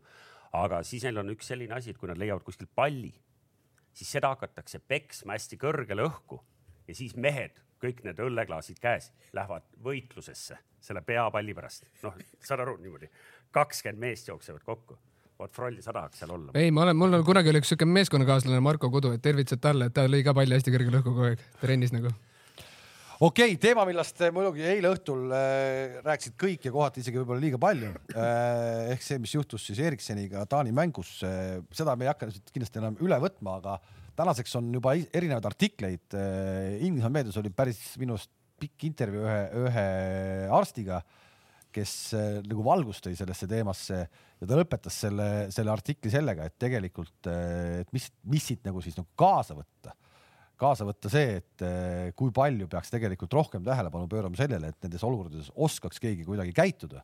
ja minu küsimus tegelikult praegu siin teile kui kahele mängijale, ühele endisele, kas see, mis Kjär tegi seal kohe alguses, kas teile on kuidagi nagu sellist asja ka üle käidud või kas, kas meil on nagu mängijad väljakul, kes oskavad kohe, kohe midagi teha ennem kui arstid kohale jõuavad? no vaata, ma arvan, et see, mis, mis Kjär tegi, see on selline selline asi ilmselt, mida, mille peale kõik ju tulevad, vaata, et esimese asjana no,. väga selle, paljud lähevad paanikasse, väga paljud lähevad paanikasse. ei lähevad, lähevad, lähevad ka paanikasse paljud, aga, aga noh, on ka palju selliseid, kes teavad täpselt, okei okay,, ma vaatan kõigepealt, kas ta hingamisteed on vabad ja ma keeran ta sellisesse asendisse, et, et noh, mida iganes, kui ta peaks oksendama või midagi, et ta ära ei lämbu sinna, onju. aga mis seal sel hetkel oli ka nende pluss, noh, jalgpallimängus on sul ju meedikud kohe võtta, noh aga, aga kui sa mõtled nagu ülejäänud elus, siis sageli see nii ei ole. aga kui sa küsid, kas seda õpetatakse eraldi äh,, jah, sellest räägitakse, mingid kindlad punktid ilmselt on, aga, aga ega selle, selle kohast nagu ütleme, selline koolitus kui selline, siis äh, sa saad ju autokoolis või, või, või mina käisin alles nüüd esmaabikoolitusel, sest et äh, mul see esmaabitunnistus oli aegumas ja, ja koolitusel äh, nõuti seda ja Jalgpalliliit teeb koolitusi treeneritele, esmaabikoolitusi ka. teeb ikkagi? ja teeb, teeb. esmaabikoolitused on treeneritele see nagu kohustuslikud, et sa saaksid äh, A-litsentsi näiteks taotleda. täna, Kalev, on isegi igas viimases kui kooli spordisaalis on see CPR massiin jah. ei, seda ma saan aru, et see on ja. aga seda on vaja osata ka kasutada. sa võid selle panna, ma, ega see ei ole sul kuradi ma haamer, millega sa lööd bussiakna katki et see on seina peal. me päris kindlasti ei ole nüüd nagu mingis nagu maailma nagu mahajäänud nurgas selles mõttes, et ma arvan, et see teadmine, et selliseid asju võib juhtuda ja on ju Eestiski juhtunud, et see teadmine on meil olemas, ma arvan, et, et äh, hästi tähtis on meelde jätta see, et, et kui me mõtleme selle eilse avalik-õigusliku äh, jalgpallistuudio peale, kes ei osanud sellega mitte midagi peale hakata ja ma, ma, ma saan täiesti aru, me keegi poleks osanud selles situatsioonis nagu adekvaatselt äh, nagu midagi teha siis sealt võib-olla kõige tähtsam hetk või äh, ainuke adekvaatne hetk oli see, kui Mihkel Aksalu vahendas Kaspar Rõivassepa sõnumit, mis ütles, et et äh, inimesed, nüüd te, nüüd te saate aru, et jälgige üksteist, kui te kasvõi mängite palli, jooksete metsas, kui midagi sellist juhtub, siis tuleb nagu reageerida ja kiiresti. eile oli ju samamoodi, ega siis nagu see ajafaktor oli seal nagu, nagu. ei, seda küll, aga see, see ongi see, kas oskad, kas sa oskad reageerida, kas sa, kas sa oskad midagi teha, no ma ei tea, Froll, noh ei no isegi, isegi kui sa võib-olla ei oska, aga sa, sa proovid ja sa ei hakka, sa ei võta telefoni välja, sa ei hakka Tiktoki tegema, eks ju, et juhtus põnev asi, keegi kukkus metsas, eks ju, joostes. ei noh, ega seal ongi seal, äh, kui sa näed sellist olukorda, siis ega seal, seal ei olegi midagi, kõne ja samal ajal nii kaua elustad, kui tuleb, tuleb abi nagu, et tulevad meedikud nagu. see on ainus, mis sa teha saad põhimõtteliselt. eks kindlasti need oskused ja asjad võiks paremad olla, et kui Gert mainis siin ka siukest autokooli koolitust, et enamus inimestel on see kuskil kakskümmend aastat tagasi või kümme aastat tagasi onju, et ega sul väga palju seal meeles ei ole, et võib-olla mingil määral neid teadmisi võiks rohkem inimestele viia, et nagu oskaksidki nagu teha, et seal on jah arstid nagu olemas ja käituti kiirelt ja, ja küll sul on piisavalt mängijaid, kes oskavad nagu väga õigeid asju seal teha ja kes, kes ei ole selleks olukorraks valmis, on sealt eemal ja on teised mehed, kes siis nagu aitavad. aga täna hommikul üles ärgata oli ikkagi nagu kerge, kergem tunne küll, noh, okei okay,, eile õhtul meil oli juba teadnud, kõik on hästi, nii et ma arvan, et ärme jää siia lõksu ja. ei, ei, ei lihtsalt või noh, imelik oleks mitte nagu, ma ei tahaks siia lõksu jääda, polegi, polegi pointi, et lõksu pole ja praegu läheb kõik ilusti-kenasti edasi, et, et jumal tänatud, et see nii on. nii, aga millest me ei ole üldse siis suurturniiri varjus rääkinud, on ikkagi meie Eesti oot, oma. oot, oot, Kas sa tahad- Wales mängis Šveitsiga ka ju, et Walesi- ei, ega kuidas me sealt üle siis lähme, kui see mäng eile oli, et minu, mis minu jaoks nagu huvitav natuke oli see, et eh, nagu selles suhtes nagu Wales, Wales oli, Wales. Kams on võtnud vaikselt saatejuhi rolli ei, üle. aga miks, miks, miks me läheme nendest mängudest üle nagu? ei, ei, kõik need eksamid teinud enne seda stuudiot. ei, seda võiks puudutada küll, et äh, ma ei saanud sellest äh, Šveitsi fenomenist ka nagu päris täpselt aru, et miks neid nii niimoodi hinnati seal, et nagu Wales äh, näitas minu arust ka, et nagu neil ikkagi klassi on ja päris head. võib-olla turniiri minu jaoks praegu kõige huvitavam mängija oli see vasakääär James seal, et kes on Manchester Unitedis ka, et väga-väga teravalt äh, nagu mängis ja edukalt nagu. no mul on äh, Walesi, Šveitsi märkmed olemas, kui te arvasite, et ma tahan lihtsalt nagu alt no mul on ka. ei, ka. mis, mis mul silme äh,, miks sa küsid, et miks Šveitsi ümber väike haip oli, nad on, eks ju, neil oli enne turniiri, kas viis mängu järjest kõik võidetud, noh, nagu selles mõttes korralik seeria. ja, ja noh, Wales on natuke selline nagu Inglismaa, eks ju, väike vend, kes äh, küll eelmisel MM-il jõudis kaugele ka natuke oli seal nagu kobistamist ja kõike muud vaja aga noh, tegelikult ka nagu läheb mingisuguste ootustega peale, Garrett Bale, eks ju, ja siis tegelikult palju midagi ei juhtu. mida ma selles mängus nägin, oli see, et, et äh, umbes pool tundi Walesi kaitse oli väga hea, nad olid nagu arvestanud Solid nagu inglased Jah., solid. ja, ja siis nagu kuidagi nagu tundus, et noh, et kella järgi nagu natuke vara, aga nagu hakkasid nagu, nagu kalasid sisse tulema, nagu, nagu oleks ära väsinud ja nagu. kusjuures ma mõtlesin sellele samale faktorile ja tead, miks ma mõtlesin või? Need Waleslased ju enamus ju neid mängivad seal Inglismaal, kus äh, üle pluss kahekümne ei lähegi mm, -hmm. aga seal Bakuus ju eile oli väga soe. et aga ma olen sarnast asja mänginud, kui me mängisime Põhja-Iirimaaga kodus suvel.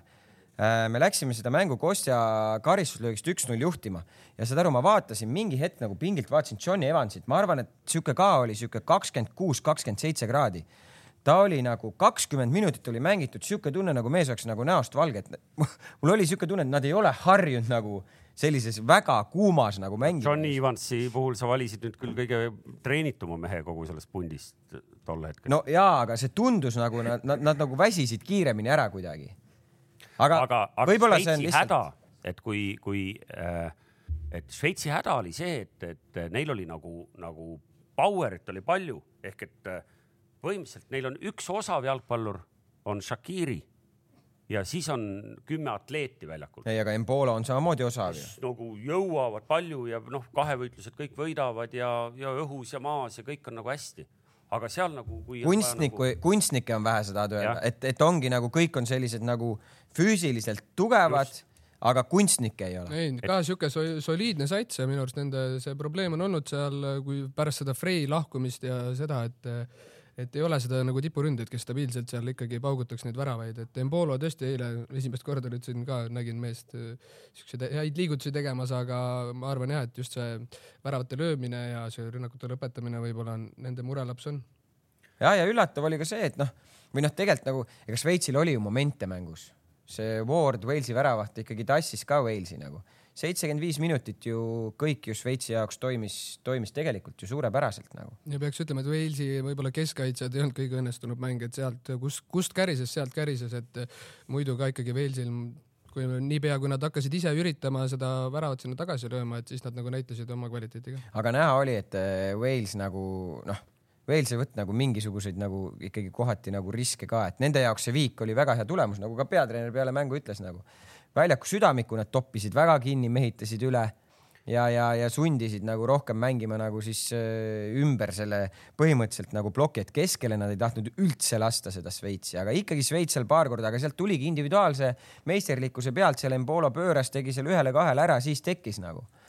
No et me, me räägime siin, et Šveitsil ei ole kunstnikku, Walesil pole täna üldse enam.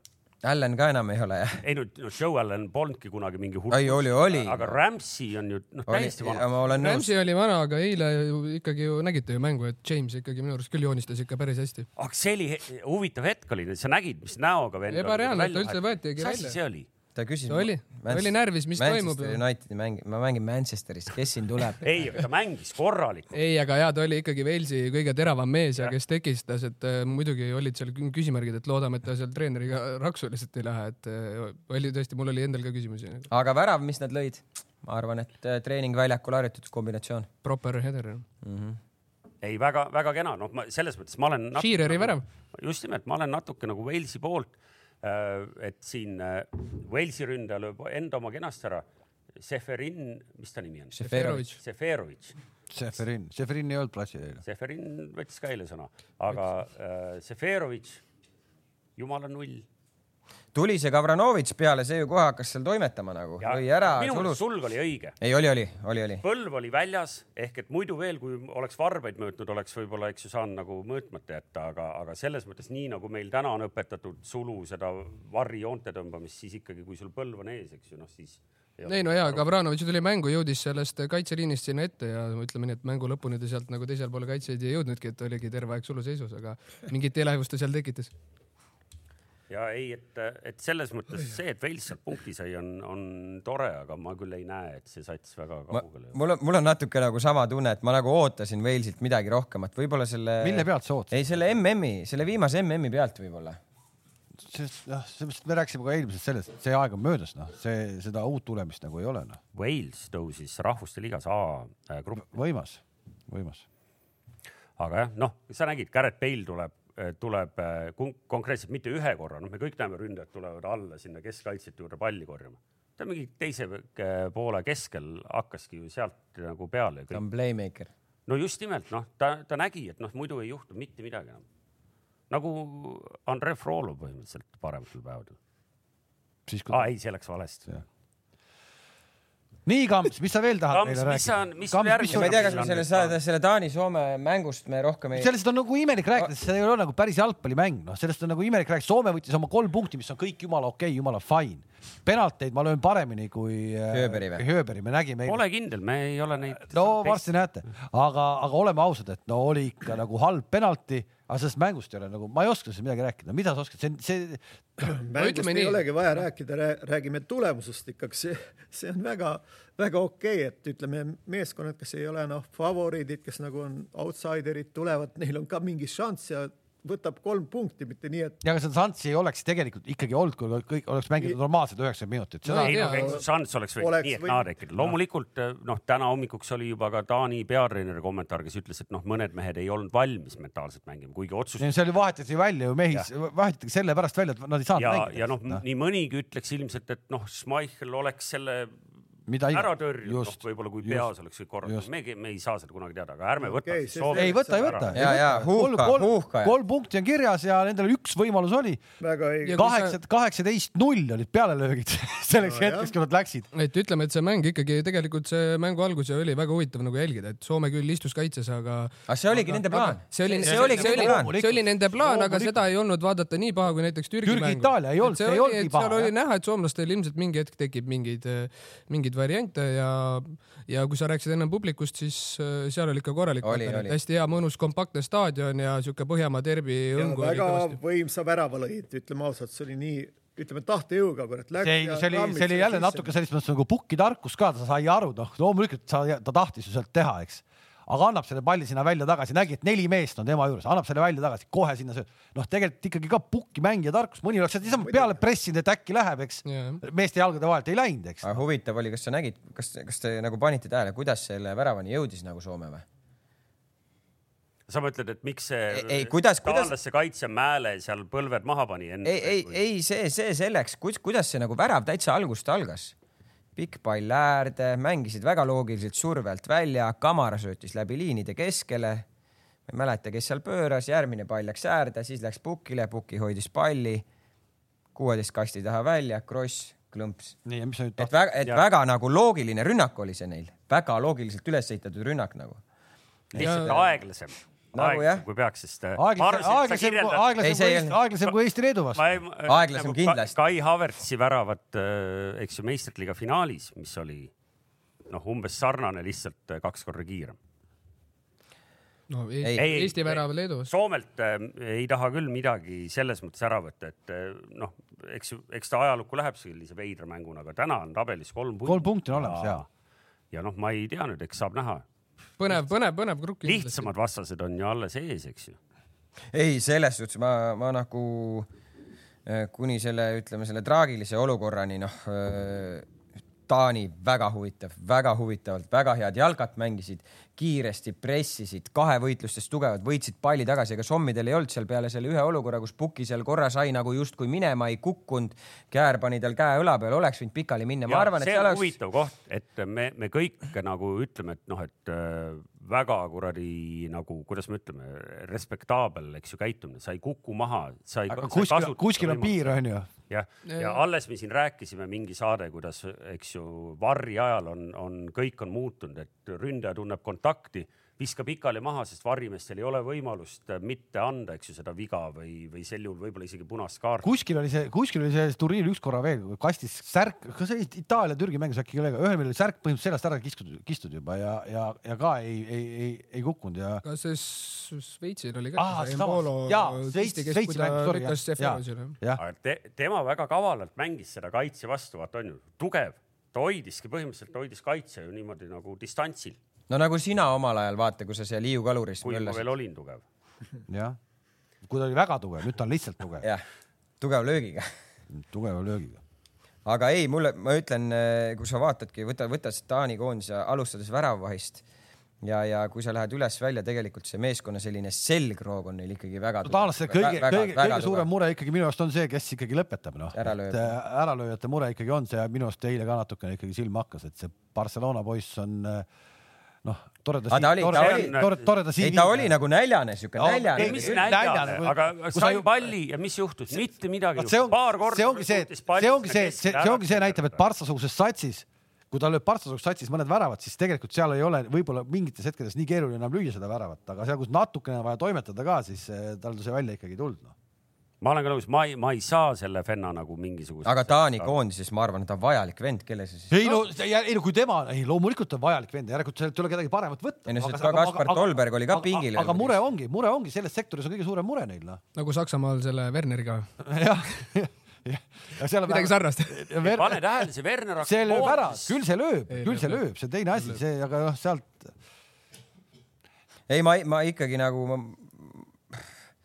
ma ei, ma mõtlen sellele Toomase nagu ennustusele, mis ta endale välja joonistas ja, ja et Taani tuleb Euroopa meistriks ja no nüüd ma olen saanud väikse tagasilöögi, midagi pole öelda. ja seda, sa, sa, selle sa oled saanud väikse tagasilöögi saanud, aga ma lihtsalt nagu mõtlen sellele, et kui ma esimest korda nagu sellele sinu jutule mõtlesin, siis mõtlesin äh..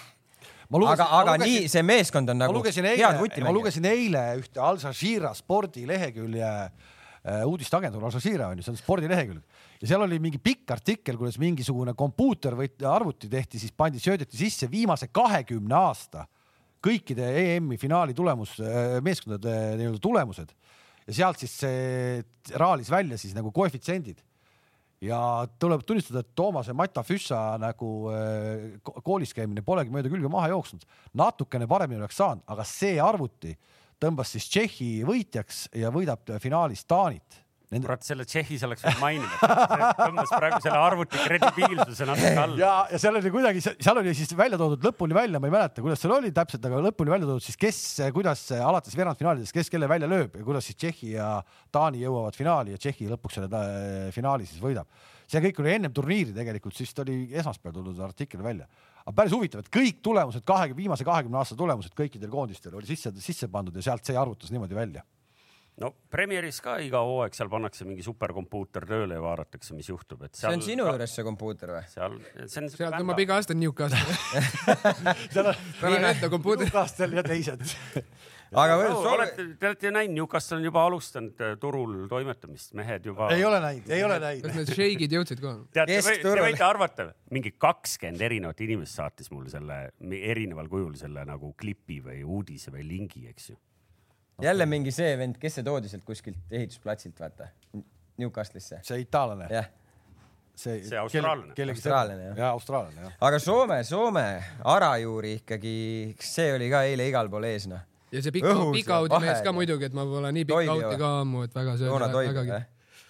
ei, Soomid ja kolm punkti tabelis ja nende jaoks kõik hästi noh. okei okay,, kuule, lähme nüüd ikkagi Eesti koondise juurde, ma saan aru, Kams natukene ei taha rääkida Eesti koondisest, et tal jäi Balti karikas võitmata, ta on seda kogu aeg maha teinud, seda, see pole mingi turniir, mis asi see on? oleks sa seda tõsta üldse jaksanud? mida ma olen, ma pole maha teinud seda, kus, kus ei ma ole olen? maha teinud, Ei loomulikult, aga, aga pigem on meil küsimus tõesti, et äh, Gerd Kams, kui oleks olnud see hetk, kelle sa oleks appi kutsunud? Tihon Žižovi, Tihon tule aita, tõsta. ma mõtlen, ma mõtlesin, et tugevamad mehed kutsuma. ei no kui mina oleks seal olnud, no mis ma sellest üldse tõstan, kui see karikas oli sama suur kui mina nagu, ma lihtsalt lähen kõrvale ja olen sellega seal, onju.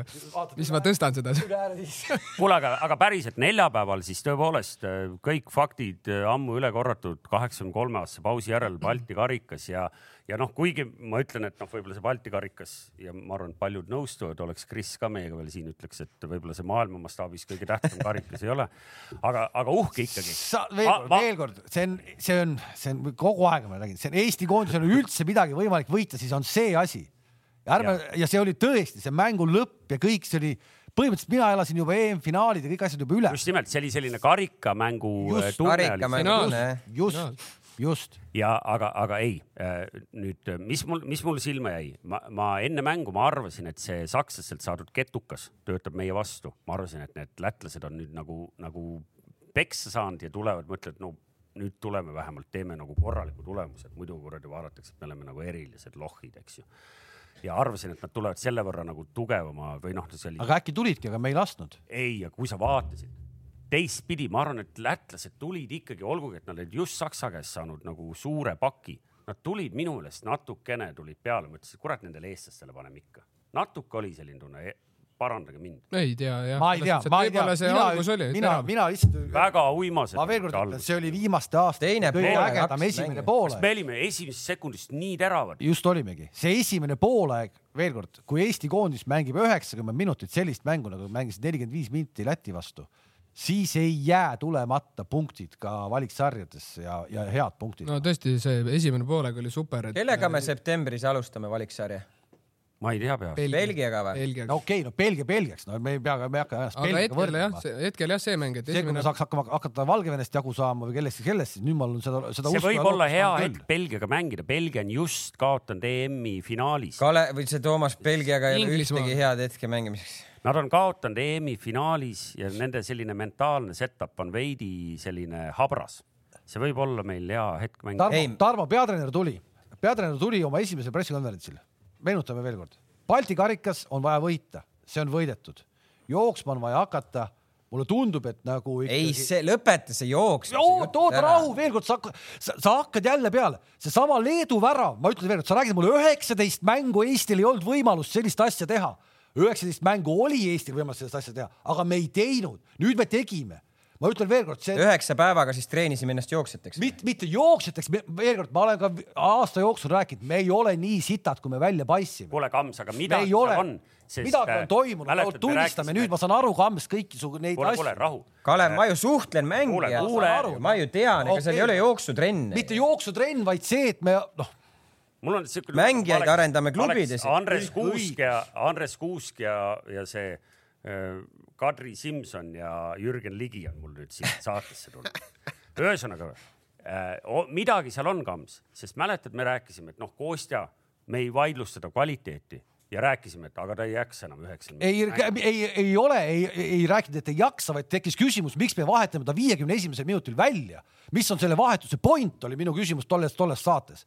täna me näeme, et ta mängib ilma temata Läti vastu, ilma käidita, läks, läks meil täis, keskväli käest ära. selge see, et nendele meestele ei ole asendust praegu. fakt on see, aga meil on see sats olemas, kes suudab mängida. ma näen seda jälle noh. ei no selge on see, et öö, noh, ei ole lihtsalt see et treeneri vahetust võib-olla oli praegusel hetkel nagu vaja ja mingi välismaa mees uuesti tuli, mis annab äh, alati meeskonnale nagu uue hingamise, mingid uued ideed, kõik mehed on, olid nüüd lõpuks olemas.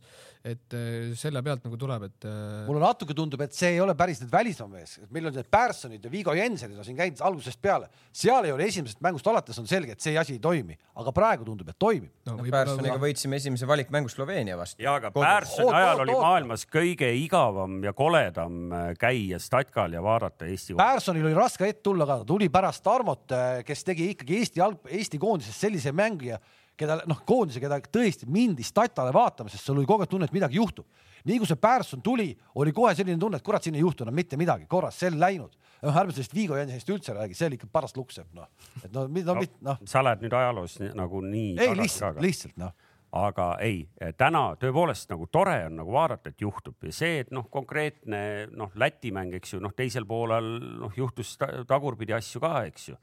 aga et, et, et kuidas ma ütlen, seal oli, seal oli helget nii palju rohkem kui see, et seal vahepeal nagu noh, ära väsiti või mis iganes või noh, seletage mulle seda, jalgpallurid ja, ja siin endine peatreener mis asi see siis oli, kui Käit tuli, eks ju, vaheajalt välja, oli äh, teada, et ta vist võib olla nagu probleem. Okei okay., kolm minutit oli sees, vahetati välja, Kostja vahetati ka välja, mis asi see oli? ei, ma arvan, et Kostjal oli ikkagi mingi probleem nagu, ma arvan, vigastusega probleem, ega niisama ma, mina ei saanud ka sellest arvan, et mõlemad läksid sisse, et, et vaatame, mis juhtub, et äkki tuleme välja. mina hakkasin nagu enda peas nagu mõtlema, et, et kas seal oli mingi naljakas äh, mõte tal, et ta sel hetkel, kui ta võtab käidi välja, et ta otsustab, et siis ta proovib kolmikut Poom, Vašjuk, Kreida või? Et ta, et, et, et ta teeb siis kogu kolmiku ringi, plaks. et ma ei, ma ei usu, ma arvan, et see Keit ikkagi tahtis äh, jätkata, et tal on isegi ka siukseid vopse saanud, et äh, teinekord äh, saadki mingil määral mängida ja no ta istus maas sel hetkel, kui see otsus tuli ju. Ei ta tuligi teine poolaeg uuesti välja, ta proovin, ikkagi tundis proovin, ja jah. ütles võib-olla ilmselt poolele, et ma proovin ja, ja tuli see vahetus ja sinna otsa tuli ka kohe Kostja vahetus, mis äh, Eestile võib-olla jah, tõesti nii hästi ei mõjunud, et see teine poolaeg, see palliga mäng tänu sellele nagu kaotus, kui konkreetselt sellest mängust neid äh, rääkida, et äh, sellest oli natuke kahju jah, et ei saanud täpselt aru jah, et nagu ilmselt, ilmselt pidi kindlasti Kostjal mingi, mingi probleem olema, et nagu sellel hetkel nagu võtad kaks nagu ütleme keskvälja parimat meest välja ja, ja Poomi puhul on siis see, et ma ei tea, isa Mart ja, ja, ja Markus ise võib-olla vaatavad ka meid, ma ei taha nüüd Markusele kuidagi liiga teha, aga ma arvan, et, et seal oli huvitav etüüd, ma ei tea, kas keegi märkas, sa olid sel hetkel juba seljaga ilmselt platsi poole ja näoga, eks ju, objektiivi poole, aga siis samal ajal, kui käis alles see suur juubeldamine ja värk, isa Mart läks Markusega rääkima. Ja noh, ma ütlen, Markusel ei olnud kõige parem mäng ma ei ütleks taas, aga aga ta on, ei, see, see, raske koht muidugi. no., aga, aga noh, ta on nüüd saanud koondises mängida ikkagi kõvasti, ma ei taha öelda, et ta on overrated, aga noh, ilmselgelt seal on parandamise ruumi, no mul tuli meelde meie ühine sõber, eks ju, Karl Mööl, ma ütlen, noh, Mööl oleks seal võib-olla sel hetkel olnud nagu sellise keskvälja nagu traktorina oleks olnud võib-olla kindlam variant. Ja selle penalti muidugi imes see Läti jurakas ta ikka nagu lihtsalt nagu see on enam-vähem sama, kui see Pajenko tegi siin. valel pool meest oli juba, noh, ta oli juba Noh. taga, tagaistmel see Noh. hetk, no kui pall ka kusjuures tuli. mina ei räägi üldse veel ainult konkreetselt penalti on- case'ist, ma ta pole räägin. sinna veel Nagu- jõudnudki sa räägid nagu mängust, palliga, palliga mängust ja valikutes mängust, ma mis ta arvan, tegi et, nagu ma. arvan, et ega Mart Poom, isa Poom on siis nii palju kogenud, et noh, ma arvan, et seal see personaalne vestlus ilmselt viib ka kuhugi meid kogu aeg edasi, eks ju, aga, aga mul jäi see silma, et seal käis eraldi vestlus. Tarmo, aga, jah. aga oota, kuulame ikka Tarmot ka ikkagi, et noh, et mm. oma uut kolleegi siis, kuidas sa hindad?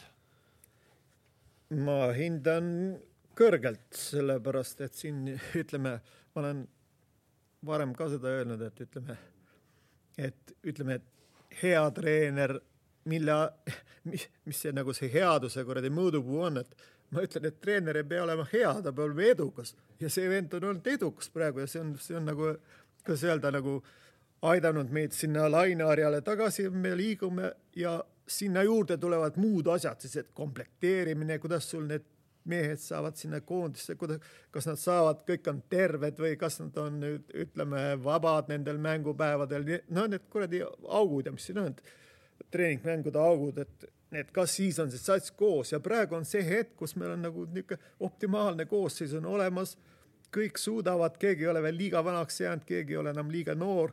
nii et minu arust väga-väga okei okay., siia juurde treener, kes nagu seda, nagu öeldakse, moosi noh, rikastab, et ta ei, ta ei pane sinna mingit kuradi eriasju, ta nagu teeb, teeb nagu selle satsiga, kes tal on, minu arust täiesti optimaalset tööd ja, ja, ja see tulemus maksab ja, ja ja just, et sa pead olema edukas.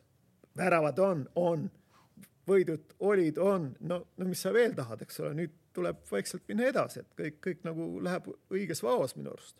Kla-, oota, ma korra küsin, Klaavani, võtame need kaks nii-öelda meie hiiglast siis, et eh, Klaavani koondisest eemalejäämine tänaseks tundub meile juba täiesti tavaline ja me oleme selle üle elanud. minu, mulle tundub, et me oleme selle üle elanud.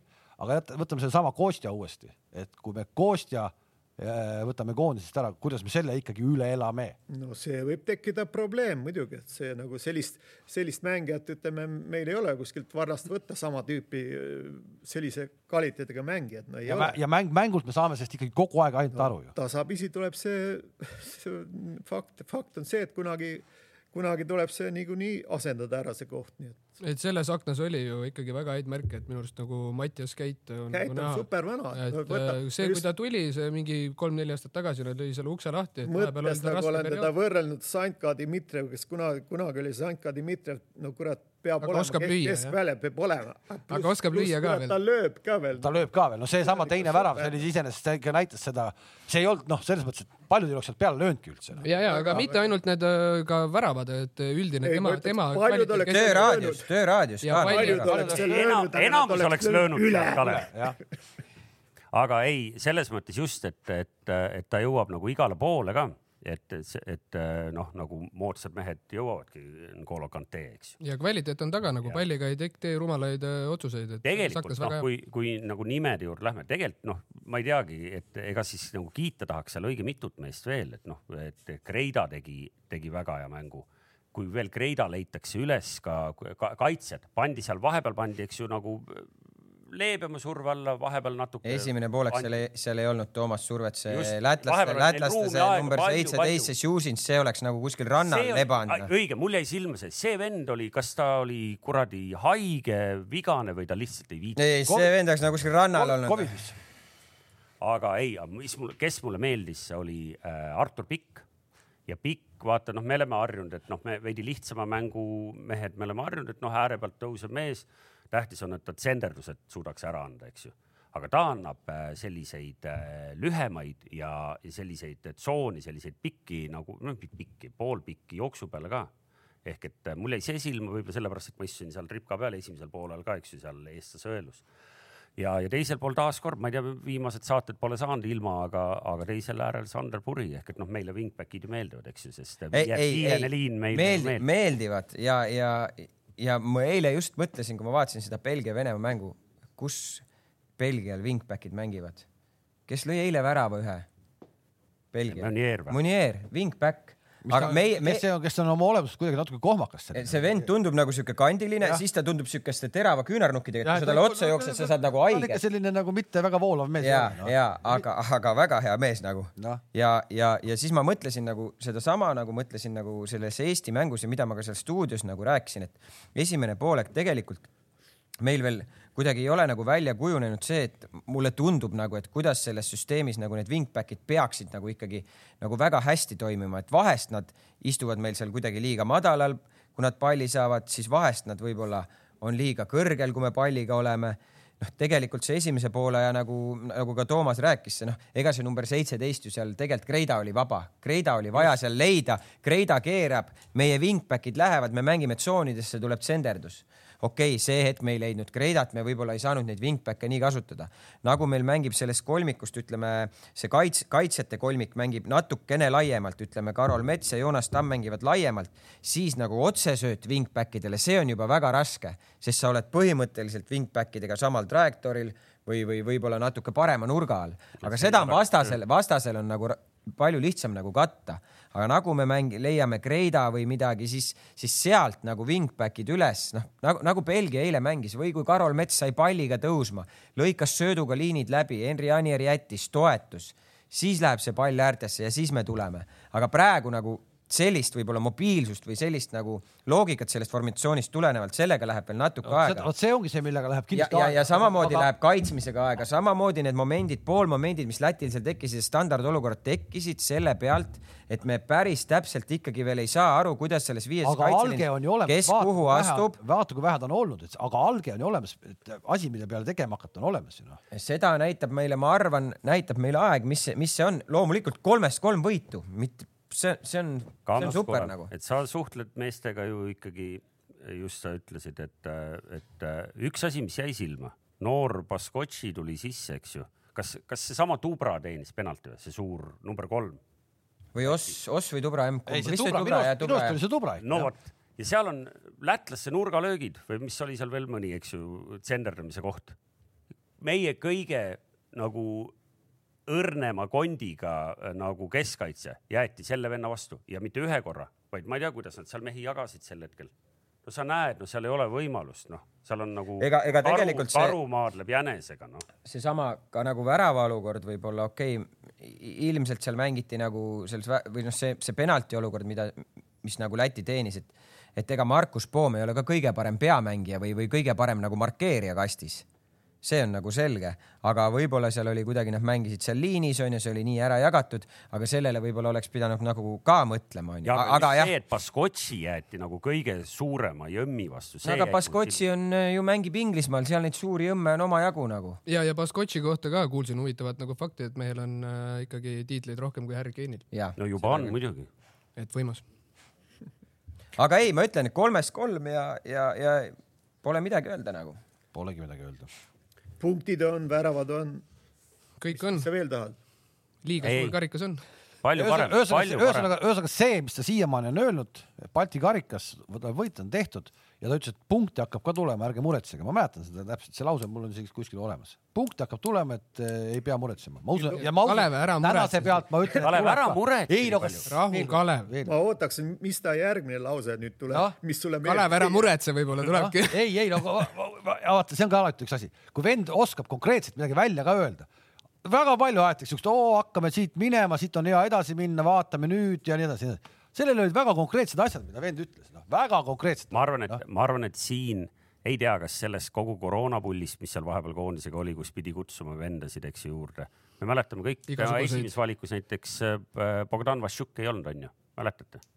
Ehk et äh, võib-olla no esimeses valikus ei olnud Henri Anieri ka tal. no just nimelt ehk et, ehk et äh, võib-olla ikkagi siit on sellest, oleks meil kink siin, siis me saaks kuulata, kuidas see tegelikult peab käima, see valimine. see oligi see aeg, kus ta sai nagu atra seada, tead, et nagu no just, ei, seda, seda, seda, seda oleks ka huvitav teada, et kui palju ta nagu ikkagi ise ütles seal oma nii-öelda soovitajatele, kuule, aga miks te mulle seda meest ei öelnud, miks te mulle seda meest ei öelnud, et et noh, et tegelikult on ju siin mängijaid veel, ma peangi silmas seda Anieri, see, et kui ta saa- poole tee pealt pööras Paidesse sisse alles, vaata oli mingi mäng Ta,, Tamme, Tammeka mängule läks, Flora Tammeka, vist tuli Narva mängu, vaata, äkki oli ja, Flora Tammeka minu arust oli ta siis, pidi ja- minema ja ja siis siis mingi isolatsioonivärk. siis tuli poole tee peal tuli, et on Covid, ah kurat siin Paides mängitakse, see keeras sisse, nägi Anieri. noh, tegelikult iseenesest see kõik oli kuidagi natuke koomiline, aga okei okay, noh. on ja mis veel. Nii, aga- ma jah., võtame kiirelt veel mõned asjad veel. kas te panite tähele, palju minuteid Sergei Ženjov mängis selles laagris? null. ja aga, aga meenuta nüüd ka tema Flora mänge. ehk et äh, Ei. sa näed teda palju jooksmas, aga Agent. ta ei, ta ei ole. Minor ei ole. Miino, pane ei, nüüd. ei noh, ma olen vana, me mäletan, oleme ma olen kogu aeg rääkinud, me oleme rääkinud teda, me oleme ja, ja me oleme rääkinud temast siin ka ja, ja ega Henrik Ojamaa mängis küll Soome vastu, aga, aga ka ei, ei saanud väga palju, kes on tegelikult Eesti liigas väga hea olnud. No mina olen alati Zenjovi puhul öelnud, et ta kümme minutit mängib ja siis on käed põlvede peal, et noh, et võib-olla see ongi tema nii-öelda omapära, aga, aga võib-olla see noh, ma ei tea, aga on ju nii tegelikult. jooksma oli vaja hakata no nüüd see käed põlvede peal ei saa joosta, noh. no.. küll me näeme teda veel näng-. muidugi näeme ja, et X-faktoriga mängija kindlasti. nii, ei noh, põnevusega kuulan, mis saatejuht Kamsil veel on välja ei, mul ei ole mängud. hakkavad, mängud hakkavad varsti juba turniiril. unustasin midagi maha või? ei, vastupidi, ma näitasin sulle, et nüüd on tõesti kell juba nii kaugel, et ja mul on, uus programm. mul on täna vaadates, et kohe lähen juba hiljaks, mul teine süst tuleb täna, nii et äh, mul on ka üks asi veel, tahtsin naist ka tervitada. jah, ei siin, kes harvemini käib ta- ta, lõpuni- nendel on see võimalus küll- antud ta. lõpuni küll ei vaadanud, nii pikalt. ei vaadata, aga õnneks saab üle vaadata. naist ka tervitada, varsti tulen koju. et nüüd on nagu, mis see neljapäeva õhtust alates olete olnud nagu tundub küll. liikvel või? jah, okei okay,, iga, igal juhul siis täna väga huvitav Tuleb päev on algamas. me näeme siis täna ära Inglismaa ja Põhja-Makedoonia, Austria. Austria, me näeme ära siis Ukraina, Ukraina. ja, ja Hollandi. ma ei tea, me kohtume siis uuesti, millal oli? kolmapäeva hommikul. samamoodi kell üheksa, eks? ja, ja kell üheksa peaks olema need ajad, nii on, üheksa null null kolmapäeva hommikul jah. nii et äh, jälgime jalgpalli EM-i ja tore, tore, et see turniir toimub. kohtumiseni. kohtumiseni. nägemist. head päeva